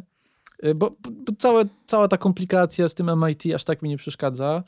Przeszkadza mi z kolei to, że jeśli mówimy o MIT, to nie możemy nie powiedzieć o MJ i o Nedzie. Mhm. I to są postacie, które trochę giną w tym filmie. Zwłaszcza MJ, wydaje mi się. Tak? Ne, Ned ma dość dużo do roboty, bo nagle się okazuje, że, Że jest czarodziejem. że jest czarodziejem. I też się zastanawiam, czy to nie jest też takie puszczanie oka do fanów, bo w komiksach przynajmniej przez jakiś czas y, Ned Leeds był jednym z goblinów. Aha. Jest zielony goblin, ale jest też hobgoblin, Tak. który jest takim Mhm. jakby naśladowcą zielonego goblina. E, I w komiksach tam przez, przez długie lata była zagad e, zagadka, kto tak naprawdę jest Mhm. hobgoblinem i wiele różnych postaci było hobgoblinem i przez pewien czas Ned Leeds chyba był, Mhm. albo był podejrzewany o to, że jest hobgoblinem, nie wiem, to jest bardzo skomplikowane, E, ale się zastanawiam, czy ten wątek z jego magicznymi mocami ta kusza, którą w którymś momencie Mhm. trzyma, czy to nie są takie... Pytanie, A. czy to jest zabawa z widzami, my wiemy, że wy wiecie, czy to są, wiesz, czy to Tak, są tak, ziarenka tak, na tak. przyszłość, Ale czy Ned Leeds nie stanie się kiedyś zły. Zły, no ale Le- Ned Leeds mówi, że się nigdy nie stanie zły, bo prawda, jest tam No taka... właśnie, ale czy dlatego, czy że to dlatego- mówi, czy to nie jest foreshadowing, A, wiesz, że jednak ironia, stanie. mówił, że się nie stanie, a, A stał się. możliwe, no wiesz, cholera wie, w którą stronę oni pójdą z tym. Ale MJ, nie masz wrażenia, że MJ po pierwsze jest trochę inną postacią w tym filmie niż była Mhm. dotychczas. Tak jak mówiłaś o niej, że ona jest taką dziewczyną, która jakby jest trochę wycofana i to bardzo fajnie pracuje, bo ona Mhm. ma taką twardą fasadę y, takiej ironistki, cyniczka, cyniczka. Cyniczki. Jest takie słowo? Cyniczka? Tak, cyniczki. E, a pod tym oczywiście e, Tak. emocje nastolatka i tak Mhm. dalej. Okej, można powiedzieć, że to e, miłość do Petera Parkera i to, że teraz mogą jawnie jakby z, ona wie, on wie i tak dalej i dzięki temu ona Mm. bardziej wychodzi na świat. Ale trochę, ja trochę tęsknię za tamtą postacią. Y, Tym bardziej, że kiedy zaczyna się ta cała międzywymiarowa bieganina, to jej zostaje do robienia chyba tylko tyle, że, że biega z pudełkiem w tej No, we w to A potem ktoś ją musi oczywiście uratować, bo spada. No tak, no tak. To Trochę mi jest... szkoda tej postaci, która wydawała się Ona jest tam fajna, na coś więcej. a jest fajna, jak ją aresztują i ona zaczyna z, ze Stewiem mieć tą e, dyskusję taką.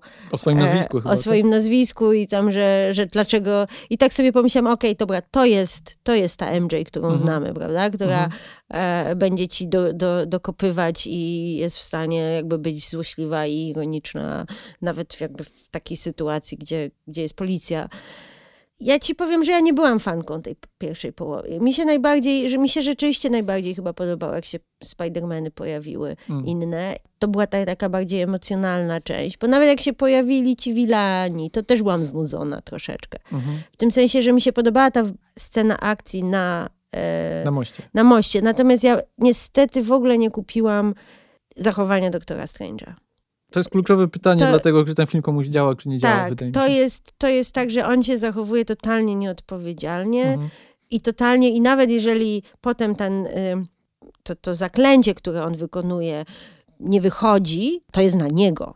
Mhm. Jakby to nie jest na Petera Parkera, który, dobra, już ma 18 lat, już można powiedzieć, nie jest takim super dzieciaczkiem, ale jakby, no kurde, to przynajmniej mu pomóż, nie zrzucaj teraz na jego i jego dwójkę jakichś, wiesz, kumpli, no, którzy nie, w ogóle nie mają żadnych mocy i są zwykłymi dzieciakami. I, I to jest bardzo nieodpowiedzialne i w ogóle nie rozumiem doktora Strange'a i nie rozumiem też, e, i on też nie przechodzi żadnej drogi bohatera, to też zauważ, że on właściwie się niczego nie uczy, a jest jedną z głównych postaci. Tak, no ja, ja też mam problem z tym, że on się zgadza pomóc Parkerowi. Tutaj jakby scenarzyści trochę próbują go usprawiedliwić, bo y, dopisują mu to wytłumaczenie, że on zakładał, że Parker wyczerpał wszelkie inne y, drogi odwoływania się i tak dalej, co jakby jest cienką motywacją. No trzeba też pamiętać, że to jest trochę inny Doktor Strange niż ten, jakiego sobie wyobrażamy tak naprawdę na podstawie komiksów czy generalnej Ja popkulturowej nie mam ikony, że to jest trochę Ja wiem, ale chodzi o to, że no, ale Łatwo jest projektować na. Ja, ja go nie tłumaczę, Mhm. tylko jakby. W, ale w, z, opisuję pewną różnicę. Łatwo jest projektować na niego pewien taki rodzaj autorytetu, Mhm. także moralnego, którego jeśli się obejrzy filmy y, z Cumberbatchem o Doktorze Strange'u, on nie wiem, czy ma. On jest raczej takim No. aroganckim bubkiem. E, Zresztą tutaj też to jest pokazane w tym filmie, kiedy się okazuje, że po tym jak Doktor Strange był zniknięty na 5 lat, to nie on jest tym jakby Tak. najwyższym czarodziejem, tylko Wong. Więc Doktor Strange ma taki jakiś dziwny status nie wiadomo kogo. Ale wciąż to jest za Ale mało to jak jest- dla mnie. Tym bardziej, że kiedy już mleko się wylało, chyba drugi raz w tym odcinku używam tego zwrotu. A. Ciekawe, to O, nie wiem, czy w tym roku użyłem tego zwrotu. To są dwa razy w tym roku, kiedy postanowiłem go użyć. poczekaj, jeszcze będzie, jeszcze może będzie trzeci. Troszkę się trochę wyleje mleka w tym odcinku. E, Kiedy już się mleko wylało, użyłem też po raz trzeci, no to on jakoś mało się, mało się przejmuje tak naprawdę. Mówiła, załatwcie to i tak No dalej. Jest ten tak. żart ze Scooby-Doo, który też nie bardzo działa. Tak. To jest takie wysilone, marvelowe szukanie Mhm. żartu tam, gdzie może nie należy szukać żartu. Znaczy mi się podoba to, jak co MJ mówi, że też zna parę ma- magicznych słów, Mhm. na przykład proszę. To jest dobre, było, tak. to było zabawne, Mhm. prawda? Ale to też, też tak e, jakby na serio on nic, on nic nie wnosi, znaczy nie wnosi, no nie ma, on nie jest ciekawą postacią w ogóle, ten Doktor Strange, niestety. Mhm. Wiesz, i jestem ciekawa, może, może w kolejnym filmie coś z nim zrobią fajnego, może. Ale on niby też ma być empatyczny i też ma być. mm, Przecież w tym swoim pierwszym filmie on się uczy poświęcać dla innych i tak dalej, więc nie wiem, czemu tutaj ma być tym aroganckim bubkiem, skoro już niby przestał być, Mhm. Prawda. prawda? No to jest może trochę problem z Marvelem, że bohaterowie w kółko uczą się tego samego. Z filmu na film, z filmu na film.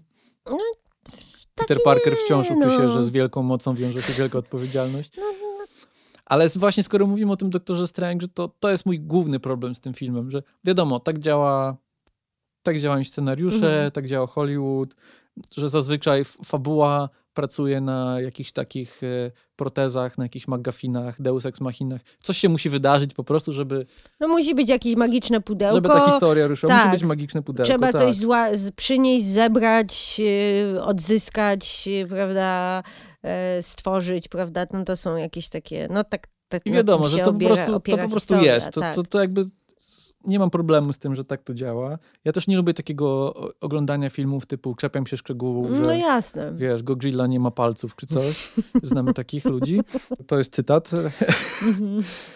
Ale jakby w tym filmie za dużo tych zawieszeń niewiary jest potrzebnych. Jakby to jest pierwsze zawieszenie niewiary, to o czym tutaj już Mhm. mówiliśmy, czyli o tym, że musimy uwierzyć, że Peter Parker i Doktor Strange obaj podejmują skrajnie Głupią, nieodpowiedzialną głupią decyzję. decyzję, tak. Y, Nie, to znaczy, to nawet nie o to chodzi, że oni podejmują, tylko że potem Doktor Strange, Mhm. jak już to nie wychodzi tak, jak miało Mhm. wyjść, po prostu zostawia tą sytuację dzieciakowi. Mhm. prawda, że do, nie, nie czuje żadnej odpowiedzialności. I dobrze, że powiedzmy, dobra, Peter go tam potem e, zamyka w tym lustrzanym wymiarze. Zresztą to jest całkiem fajna walka. E, tylko Żeby też, przemyślał swoją żeby przemy- Tak, to jest całkiem fajna walka, ale też sobie myślisz, wiesz, oni rzeczywiście jakby to, co oni przeszli przed chwilą, czyli to, że oni naprawdę wszyscy uratowali świat Mhm. i że są bohaterami i no dziwi mnie to, że, że scenarzyści nie mogli wymyślić jakiegoś zgrabniejszego sposobu, żeby te e, multiversum połączyć. Widać tutaj bardzo, jak scenarzyści stają na głowie, żeby wycisnąć jakoś, jakąś fabułę z tych filmów, które mają dostępne, i z tych aktorów, których mają Mhm. Tak. dostępnych. To jest coś, to jest problem, którego nie było w Spider-Manie Mhm. uniwersum, bo tam po prostu mogli zrobić co chcą Tak. i widać było jakby wielkie zalety takiej sytuacji. No tutaj jest to dość karkołomna zabawa i z jednej strony brawo, że udało się wycisnąć mimo wszystko z, te, Tak. mimo wszystko z tego jakąś historię, natomiast mam wrażenie, że można było się bardziej postarać, żeby to bardziej jakoś, jakoś organicznie działało. Inteligentniej po prostu. Bo, bo na przykład to, że brakuje Peterowi Parkerowi e, mentora jakiegoś, prawda, że był Tony Stark, potem właśnie Mysty- Mysterio, to co ty mówiłeś, próbował Mhm. jakby tą rolę przejąć. To jest najbardziej organiczne, że Doctor Strange będzie tym nowym jakby Mhm. mentorem. A tutaj mi się wydaje, że jest nawet głupszy niż... Mhm. Możemy narzekać, okej, że Peter robi tutaj głupio, podejmuje głupią decyzję, ale to też jest jakby klasyka scenariuszowa. Bohater musi popełnić błąd, żeby potem móc go naprawić. Oczywiście. Gdyby od razu podjął dobrą decyzję, nie byłoby filmu. Jasne. Natomiast ja mam tutaj taki problem, że Peter Parker popełnia dwa razy ten sam błąd w zasadzie. I w obu przypadkach oczywiście w dobrych intencjach. No tak, tak, tak. W pierwszym przypadku, żeby pomóc y, MJ i Nedowi dostać Tak. się do MIT, idzie do doktora Strange'a, żeby, Tak. wiadomo, zaczarował. A potem jest to cała akcja z pudełkiem, tak? Gdzie Tak. Peter Parker nagle postanawia pomóc y, y, swoim y, przeciwnikom i nie chce oddać y, Strange'owi pudełka, co jest motywacją dla tej walki, o której tak, mówiłaś. Tak, tak. Po pierwsze, ja mam problem z tą decyzją, żeby pomóc y, y, czarnym, mam- czarnym charakterom, ale o tym potem może, Mhm. potem jak będziemy podsumowywać ten film, bo to jest, Mhm. mam wie, większą rozkminę związaną z, z, tak, z tym też aspektem. Mam. Chyba mam dokładnie tą samą, tak Możliwe. Natomiast zanim do tego, to, to, jest dla mnie jakiś błąd strukturalny, mianowicie taki, że dwa razy jest powtórzony ten sam beat scenariuszowy, tak jak się to mówi, jakby Tak. ten sam chwyt, te, to samo zachowanie bohatera. I dlatego ten film jest taki długi, Tak. rozumiesz? Na serio można było inaczej z tym, z tym multiversum, albo w ogóle przecież nie trzeba było tego tłumaczyć, że to multiversum się mogło pojawić. Mhm. Znaczy, błąd na wejściu był taki, że w ogóle Peter Parker idzie do tego doktora Strange'a. Mhm. Dużo ciekawiej by było, żeby ci źli wilanowie się nagle pojawiają, nie wiadomo skąd, i Doktor Strange i Peter Parker muszą zaradzić i mają inne pomysły, Mhm. jak rozwiązać tą sytuację, prawda? I to jest wtedy ciekawe, bo, Mhm. doktor, Str- bo podejście doktora Strange'a jest bardzo odpowiedzialne, jakby, jakby wysłać ich do domu, Mhm. wszystko, no zginą, nie zginą, no trudno, to nie jest nasz problem. Po pierwsze, nie powinni byli się tu znaleźć. Tak, ogóle, no, więc właśnie, więc jakby wysyłamy ich i to jest rozwiązanie naszego problemu. Mhm. I to już by wyeliminowało jeden z tych stopni, prawda? Mhm. E, I tak dalej. Skróciłoby też e, czas trwania. A tak na dobrą sprawę i tak oni gubią ten cały aspekt, że wszyscy wiedzą, kim jest Peter Parker. Bo Mhm. ja ten temat też chcę poruszyć, ponieważ to jest świat, w którym wszyscy wiedzą, kim jest Tony Stark, wszyscy wiedzą, Mhm. kim jest Kapitan Ameryka, Mhm. y, Czarna Wdowa, Hawkeye, prawda? To są ludzie, którzy są znani Mhm. I dlaczego nagle robi się wielkie halo, że Spider-Man jest Peter, Peterem Parkerem? Jakby, Mhm. To że, prawda, że ciekawe. to jest czemu? Rozumiem, rzeczywiście, y, może to powinno być y, jakby to, czego, czego się Peter uczy, że okej, teraz wszyscy wiedzą, kim ja jestem i muszę z tym żyć i muszę podejmować teraz decyzje i, i być odpowiedzialny jakby w takim aspekcie i być też odpowiedzialny za swoją rodzinę, czy tam za swoich przyjaciół, a nie po prostu, że teraz zerujemy i tak Mhm. wszystko i teraz nikt nic nie wie. Czekaj, albo już zaczynasz tę dyskusję, Ja wiem, która le- ba bardziej będzie na miejscu na koniec. Dobra, dobra, dobra, dobra, ale nie, chcę, chcę tylko powiedzieć tylko to, że, że nie rozumiem tego, Mhm.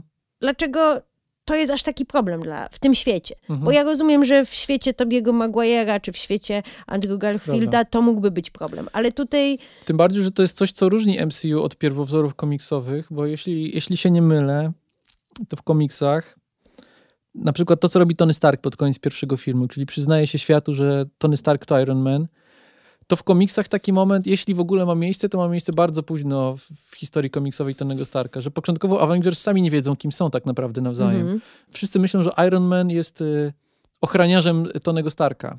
mhm, Więc y, to ma sens jako jakiś taki aspekt y, uniwersum komiksowego, gdzie po Tak. prostu większość superbohaterów ma y, ukrytą tożsamość. tak. No, no Mm, oczywiście. Natomiast w filmowym MCU, tak jak mówisz, faktycznie masz rację, że pra prawie, prawie, wszyscy, prawie wszyscy są jawni. tak. No, no okej, to może jest coś, co możemy dołożyć do, do mojej listy Do, do, zarz- zarzutów. To może teraz ją... Okej, w- dawaj, dawaj, dawaj. y, Bo to jest coś, co ja w mówi się już użyłem tego zwrotu. Mhm. Fikumikator LML dudkowy, ale to nie jest mój zwrot. To chyba Michał, ja to znam od Michała Walkiewicza. A, ale jest możliwe, że to też nie on to wymyślił. No, y, chodzi mi o takie magiczne e, e, rozwiązanie fabularne albo magiczne po prostu maszyny, które, w które musisz uwierzyć, że okej, one tutaj są, dzięki temu fabuła może się dalej toczyć. Czy po pierwsze, to jest to, że w ogóle Peter Parker i Strange mają swój magiczny czar i tak dalej. mhm. Dwa, y, magiczna maszyna Tonego Starka, która przypadkowo jest w pokoju obok i pozwala No zrobić tak. co tylko chcemy. Dwa, pięć, pięć różnych szczepionek, które trzej Peter Parkerowie Nagle robią. robią w zasadzie w pięć minut. No, to jest, to jest, ja mam też problem z tym, że to jest cała koncepcja tego, że To potem, to potem. To jest to, co ma być potem. Ja wiem, o czym mówisz. ja wiem, no dobrze, ale dobra, to dawaj jeszcze ko- kolejne Ja swoje będę rzeczy. dalej bo- wymieniał jeszcze. Bo...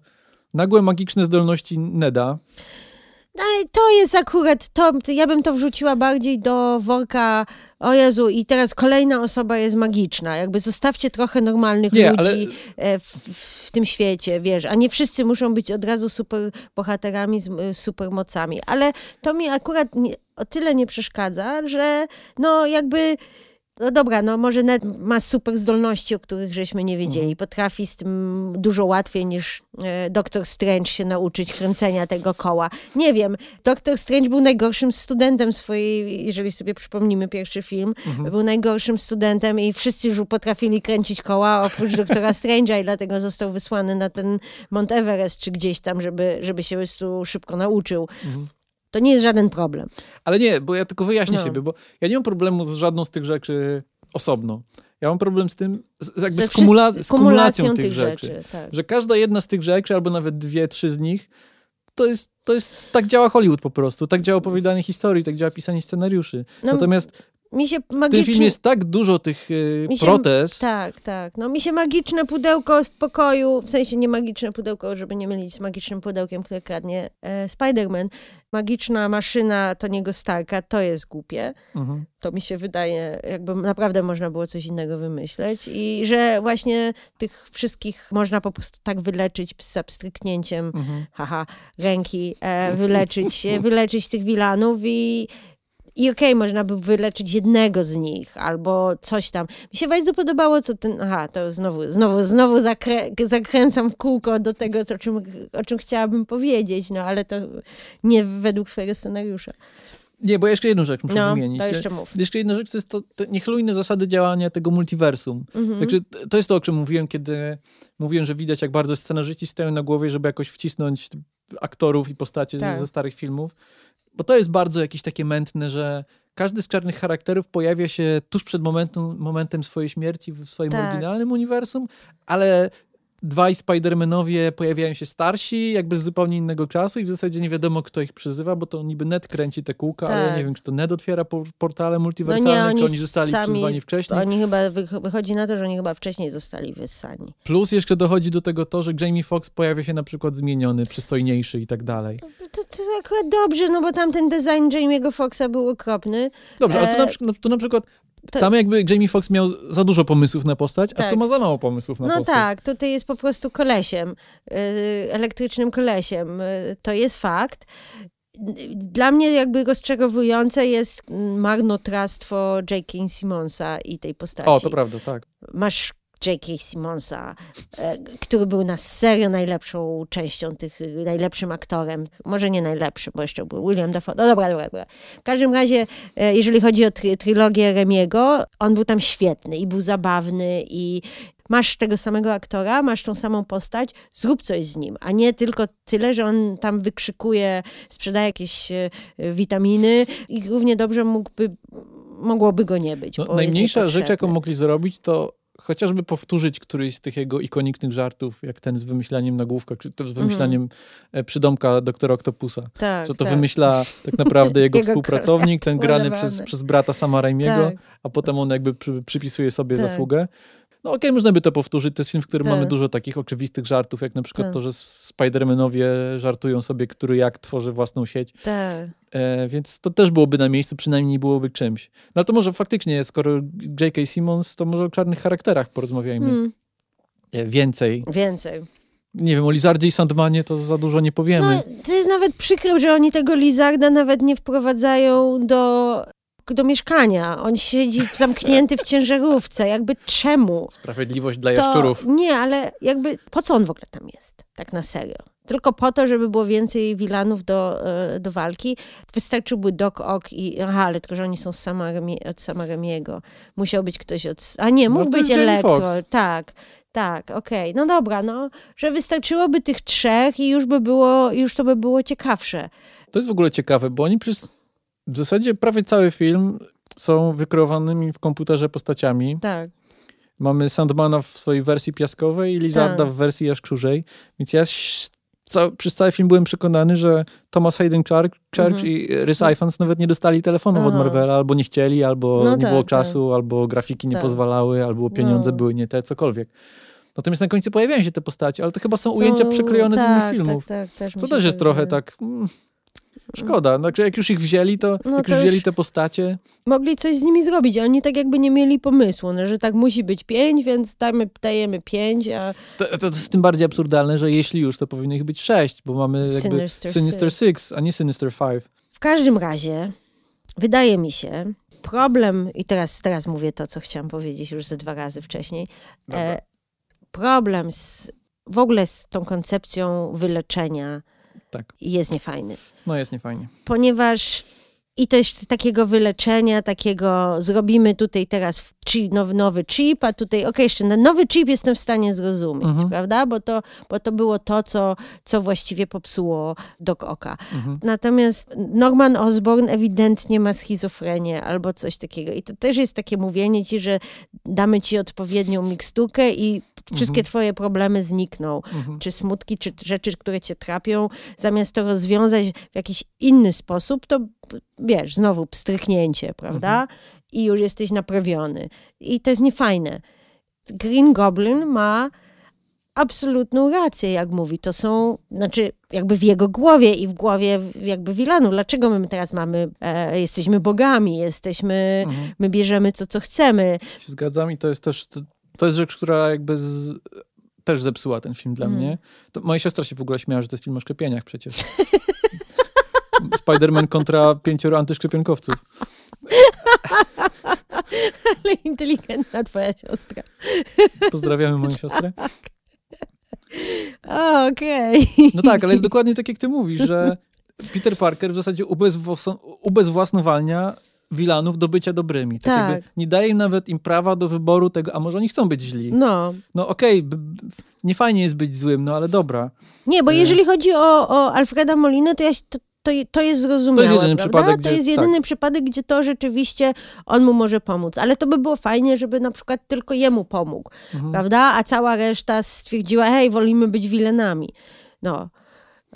Tak, a kiedy mówią nie, nie chcemy, Tak. to on rusza z pięściami, wyleczyć ich na siłę, Tak. zaszczepić ich na siłę.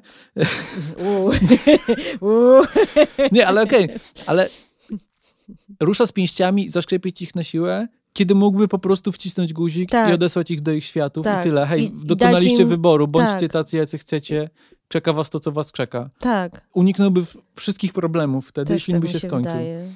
I ciocia May by żyła. Dokładnie, dokładnie. I, i, I tutaj też przechodzimy do śmierci cioci May, która moim zdaniem to jest wzruszające. I jest mi przykro bardzo, że, że ciocia May nie żyje i Marisa Tomei nie miała szansy zagrać ciekawszej postaci. Mm. Natomiast wiesz, to, że oni grą z Onkel Benowali, No. e, że taki ryż jest też, e, że e, śmierć wuja Bena była powiązana z tym, że Peter podjął złą decyzję, Mhm. prawda? Mógł pomóc, nie pomógł i to jest na niego. Natomiast śmierć cioci May, okej, P- Peter robił to, co ona mu mówiła. Tak. Czyli ta śmierć jest trochę, po, poza tym mówił jej, uciekaj, Mhm. prawda? Ja tu jestem, uciekaj. Mhm. A ona tam stała i chciała mu pomóc i tak dalej. Mhm. I, i to jest na nią. Mhm. I też to tak nie ląduje, przez to nie, nie ma takiej emocjonalnej siły to przesłanie, prawda? Bo jeżeli sobie pomyślisz też o przesłaniu tego filmu, ile tam jest tematów, to jest film o,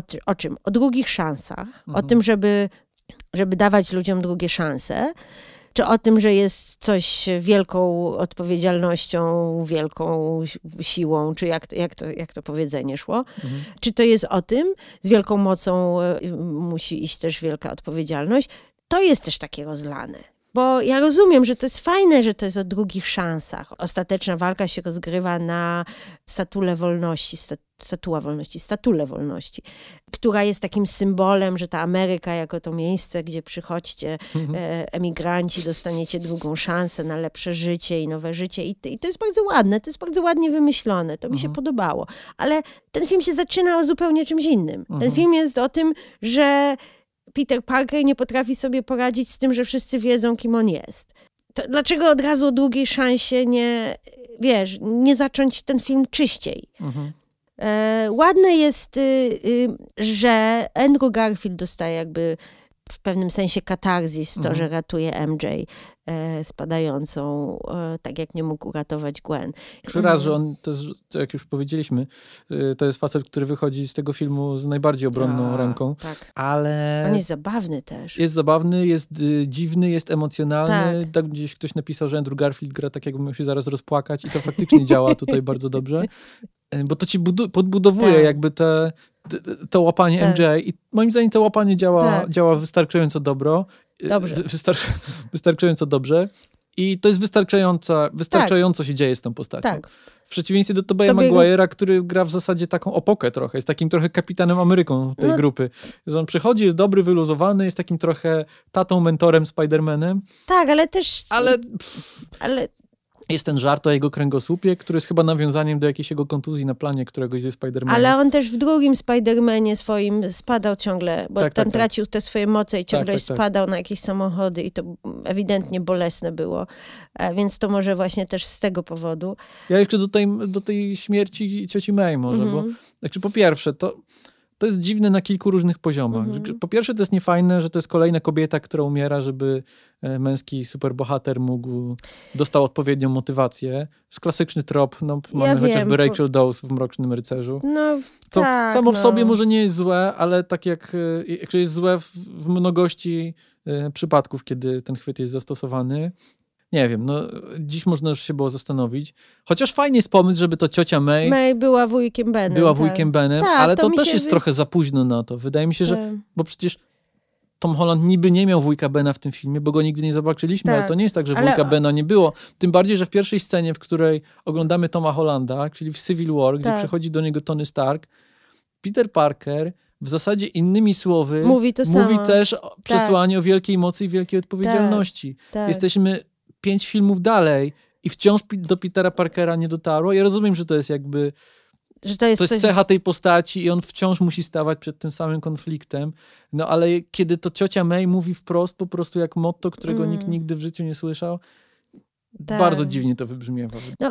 Więc to jest też to, co ty mówiłeś, że ten film, znaczy, nie- nie wiem, czy ty to mówiłeś, Ale myślałem na może pewno. na pewno myślałeś.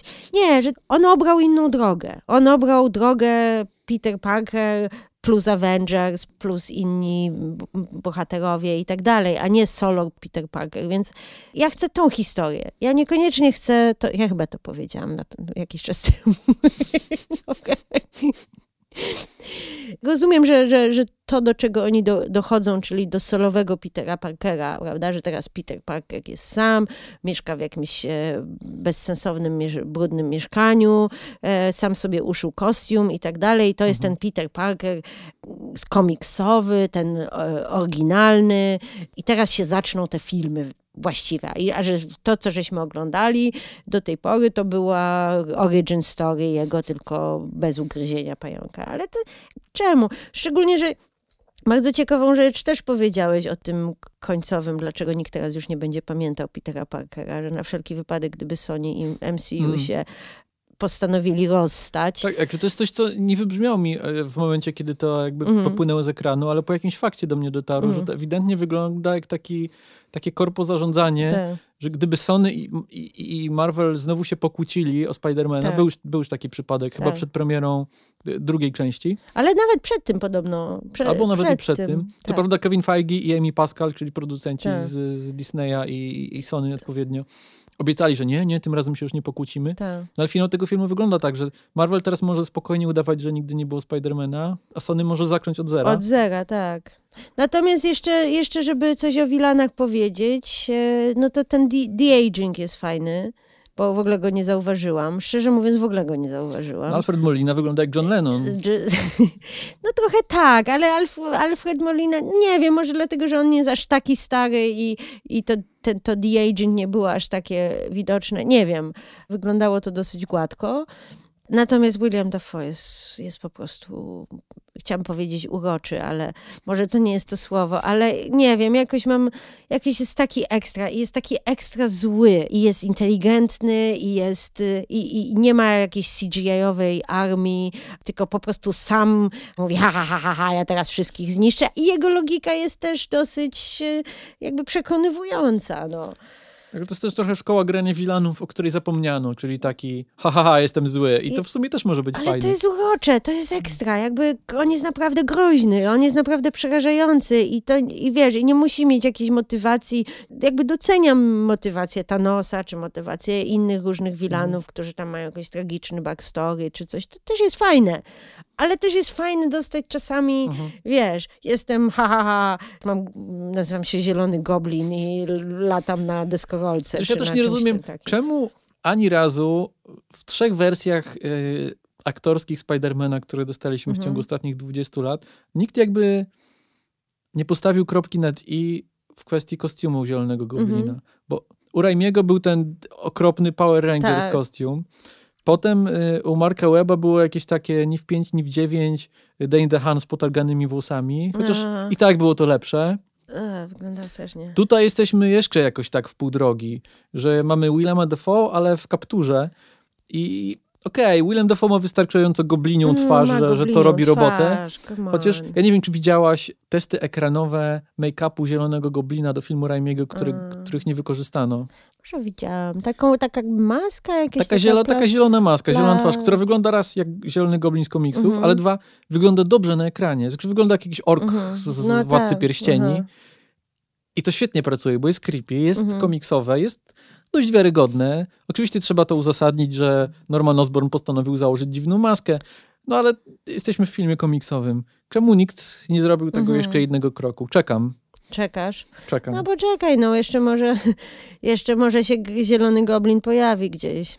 Czy, y, ja się bardzo cieszę, że, że William Dafoe wrócił jakby w tej roli i ja strasznie zawsze lubię Williama Dafoe w ka- każdej roli i naprawdę był fajnym vilanem. Fajnym, groźnym vilanem i ten finał też był w spoko, w tym sensie, że No właśnie, zero CGI-owej armii, zero wielkiego promienia światła w niebo. Znaczy tam Mówisz były tu jakieś... o tym filmie? Tak, No, znaczy jest- były, były, były jakieś, tak, były jakieś promienie, ale to, to były... Nie ma promienia i armii, ale wciąż jakby dla mnie, Znaczy, nie wiem. To po nie pierwsze działa- masz trzech Spider-Manów, których trudno od siebie odróżnić. Jest ciemno, żeby ukryć e, komputerowe efekty. mhm, Ja nie wiem, mi się ten finał dziwnie jakoś tak kojarzył ze Spider-Manem 3. mhm. Gdzie też mam, tam jest chyba, tam jest z kolei jakaś taka bu- budowa, bu, jakiś Mhm. taki wieżowiec nie- niedokończony. Też jest Sandman, więc to tak jakoś podobnie Mhm. wygląda, może dlatego. Te rusztowania i tak dalej. Tu Mhm. mamy rusztowania na, na Statui tak. Wolności. Mi się z kolei podobało, że oni się uczą pracować razem, że tutaj, że z, e, Tom Holland mówi hej, hej, hej, ja byłem w Avengers, wy nie macie, my nie mamy Avengers. No ale podobały mi się też te żarty, że walczyłem z kosmitą, ja też walczyłem z kosmitą, o, ja walczyłem tylko z kolesiem w e, stroju nosorożca. I ja jestem beznadziejny, jestem bez sensu. Tak, fajne. Jakby te interakcje między nimi mi się bardzo podobały. Chociaż to teraz sobie pomyślałem, że to też jakoś zmniejsza te ich jakby własne uniwersa, bo zakłada, że wszystko, co się wydarzyło w ich życiach, to jest tylko to, co widzieliśmy. A to No są przecież tak. starsi Parkerowie. Jakby można by założyć, że w międzyczasie zdążyli walczyć z kosmitami i różnymi innymi czarnymi charakterami. Natomiast wygląda na to, że w życiu Mm. Tak. Garfielda po walce z Rhino, która większy drugiego Amazing Spidermana, nic więcej się nie wydarzyło. No nie wiem, może to bardziej by chodziło o to, że wiesz, że jeżeli oni nagle zaczęli opowiadać o czymś, co nikt nie słyszał, to też byłoby jakieś nie, no wiadomo, dziwne. No. oczywiście. No Więc dobra, Wiesz, to, y, to może teraz, chyba że jeszcze masz jakąś uwagę o czymś innym, nie, nie, nic mi nie przychodzi. y, to może masz jakąś uwagę o, o wymazaniu pamięci całego świata. No mam uwagę. Uważam, że to, że to jest zły, no zły krok. W tym sensie, że no i co teraz będzie? Jakby, bo tak jak już mówiłam o, o MJ, to, to, że MJ go nie pamięta, w sensie Toma Hollanda, to nie znaczy, że on nie ma emocjonalnej Mhm.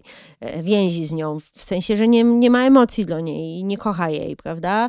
Więc wilan, jakikolwiek wilan, który się pojawi, być może będzie mógł też to wykorzystać. Mhm. Tylko, że teraz porwie jakąś dziewczynę, która po prostu kompletnie nie ma pojęcia o tym i tak dalej. Plus to jest też odbieranie jej możliwości zadecydowania o sobie, Mhm. że może ona chce podjąć to ryzyko, bo Mhm. go kocha, albo to jest, nie podoba mi się to zakończenie i nie podoba mi się to, że wszystko, co w związku z tym się wydarzyło w życiu Petera Parkera, w jego świecie nie ma znaczenia właściwie. Jakby Mhm. stawka zniknęła, jakby stawka i to, co on się nauczył i te jego relacje. Okej, dobra, my to wiemy, ale skoro tego nie było, to tak jakby to niego Starka nie było, Mhm. tak jakby nie było właśnie, wiesz, tych, tych ich relacji. Wydaje mi się, że oni się obrabo- obrabowali sami i obrabowali nas też, widzów, z dużej emo- porcji emocji. No tak, no. bo jak się mówi, nie jesteś tym, kim ty myślisz, że jesteś, tylko jesteś tym, jak cię widzą. A Tak. No, to wszystko, jak go widzą, zniknęło tak jakby. I on Tak. został sam w swojej głowie. no tak.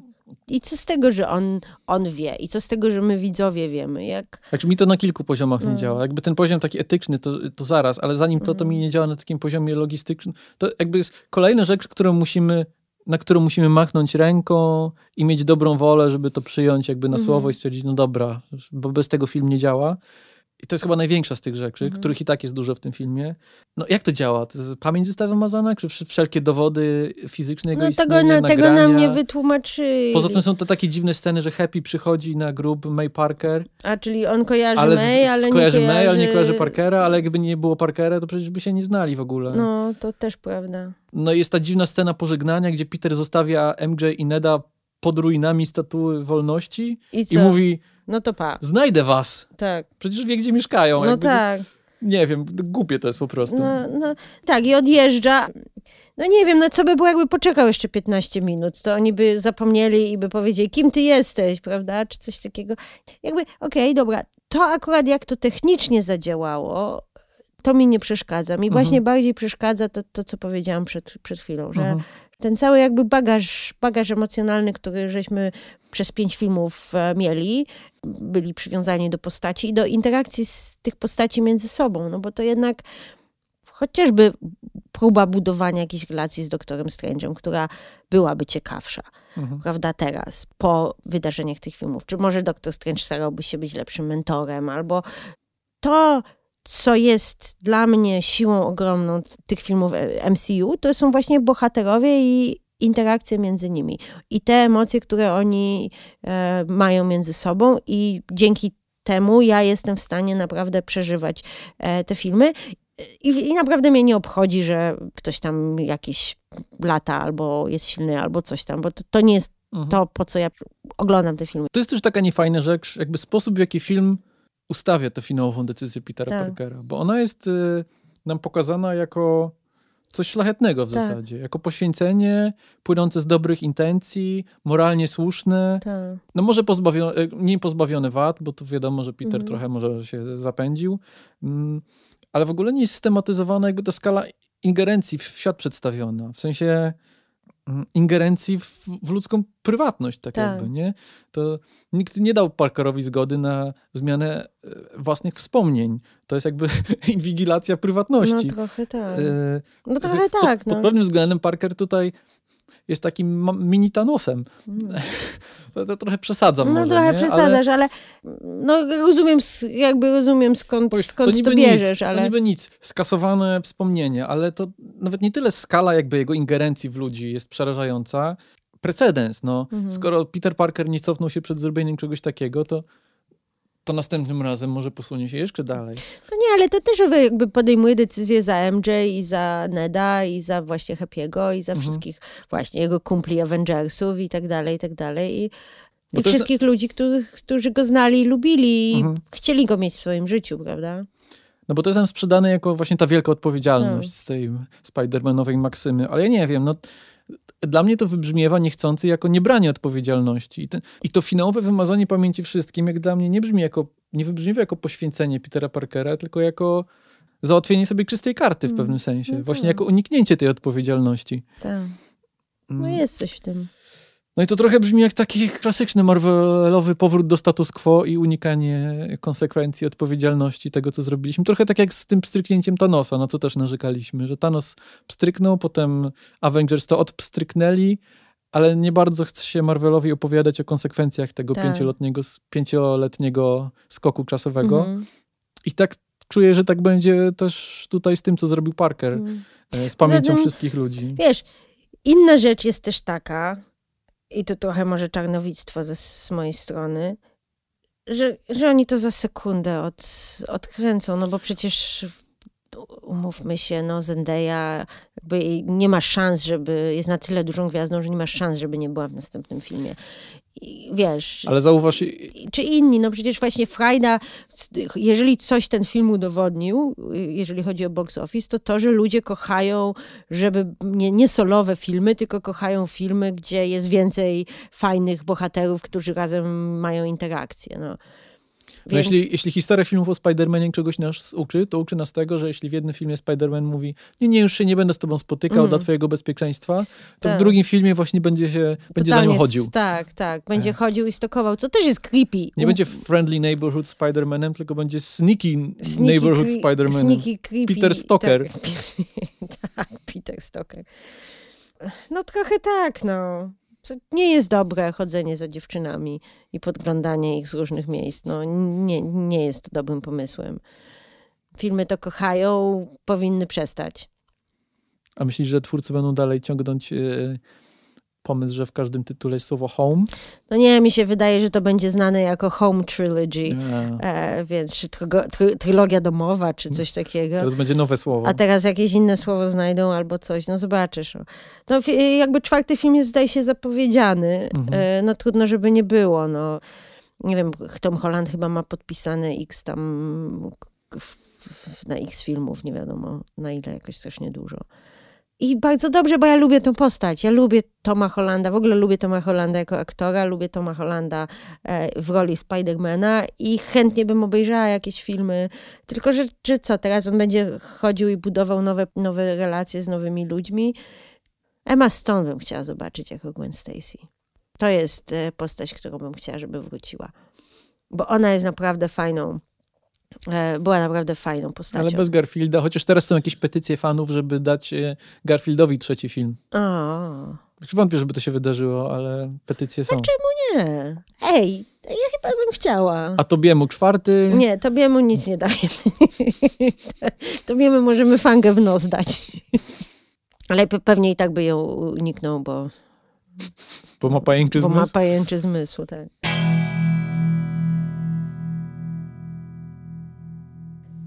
No dobra, Kończymy z tymi superbohaterami. Ile można o rajtuzach gadać? no można, no można. Jak można, wiadomo. y, przecież lubimy te filmy zazwyczaj. Lubimy te filmy. I jeszcze raz podkreślam, miałam poczucie, że super, super, super nagadywałam na te, na te filmy, ale ja naprawdę, naprawdę mi się dobrze Ja to powiem ci, że oglądało. jestem zdziwiony po tej rozmowie. Jakby ja się spodziewałem, że dużo Będę- entuzjastyczniej będzie Będę brzmiała dzisiaj. Nie, bo to nie jest jakby technicznie, Mhm. technicznie, o Jezu, scenariuszowo ten film mm, kiepsko działa, no.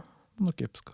Ale jako frajda, jako doświadczenie, jako humor, bo to, o to, może o tym żeśmy nie powiedzieli. Moim zdaniem jest naprawdę zabawny. I moim zdaniem bardzo dużo tych żartów ląduje e, i jest śmiesznych i podobało mi się to. Ale No. następnym razem porozmawiamy o lepszym filmie. Ha, który ha, ma ha. lepszy scenariusz i lepszy humor. Ale też ma żart, który nie ląduje. Tak? Który? To powiem dowiemy, ci, jak cię... dowiemy się za dwa tygodnie. Czy za tydzień? Za tydzień? Nie, nie wiem. O, Dowiemy się w kolejnym w odcinku. kolejnym odcinku. A może powinniśmy zdradzić, o jakim filmie mówimy? Nie, Nie, bo jeszcze zmienimy zdanie. jeszcze zmienimy zdanie albo... Będziemy mieli inne parę uwag. Tak. No dobra, to Dobra. co, żegnamy się. Żegnamy się. To do usłyszenia. Do usłyszenia.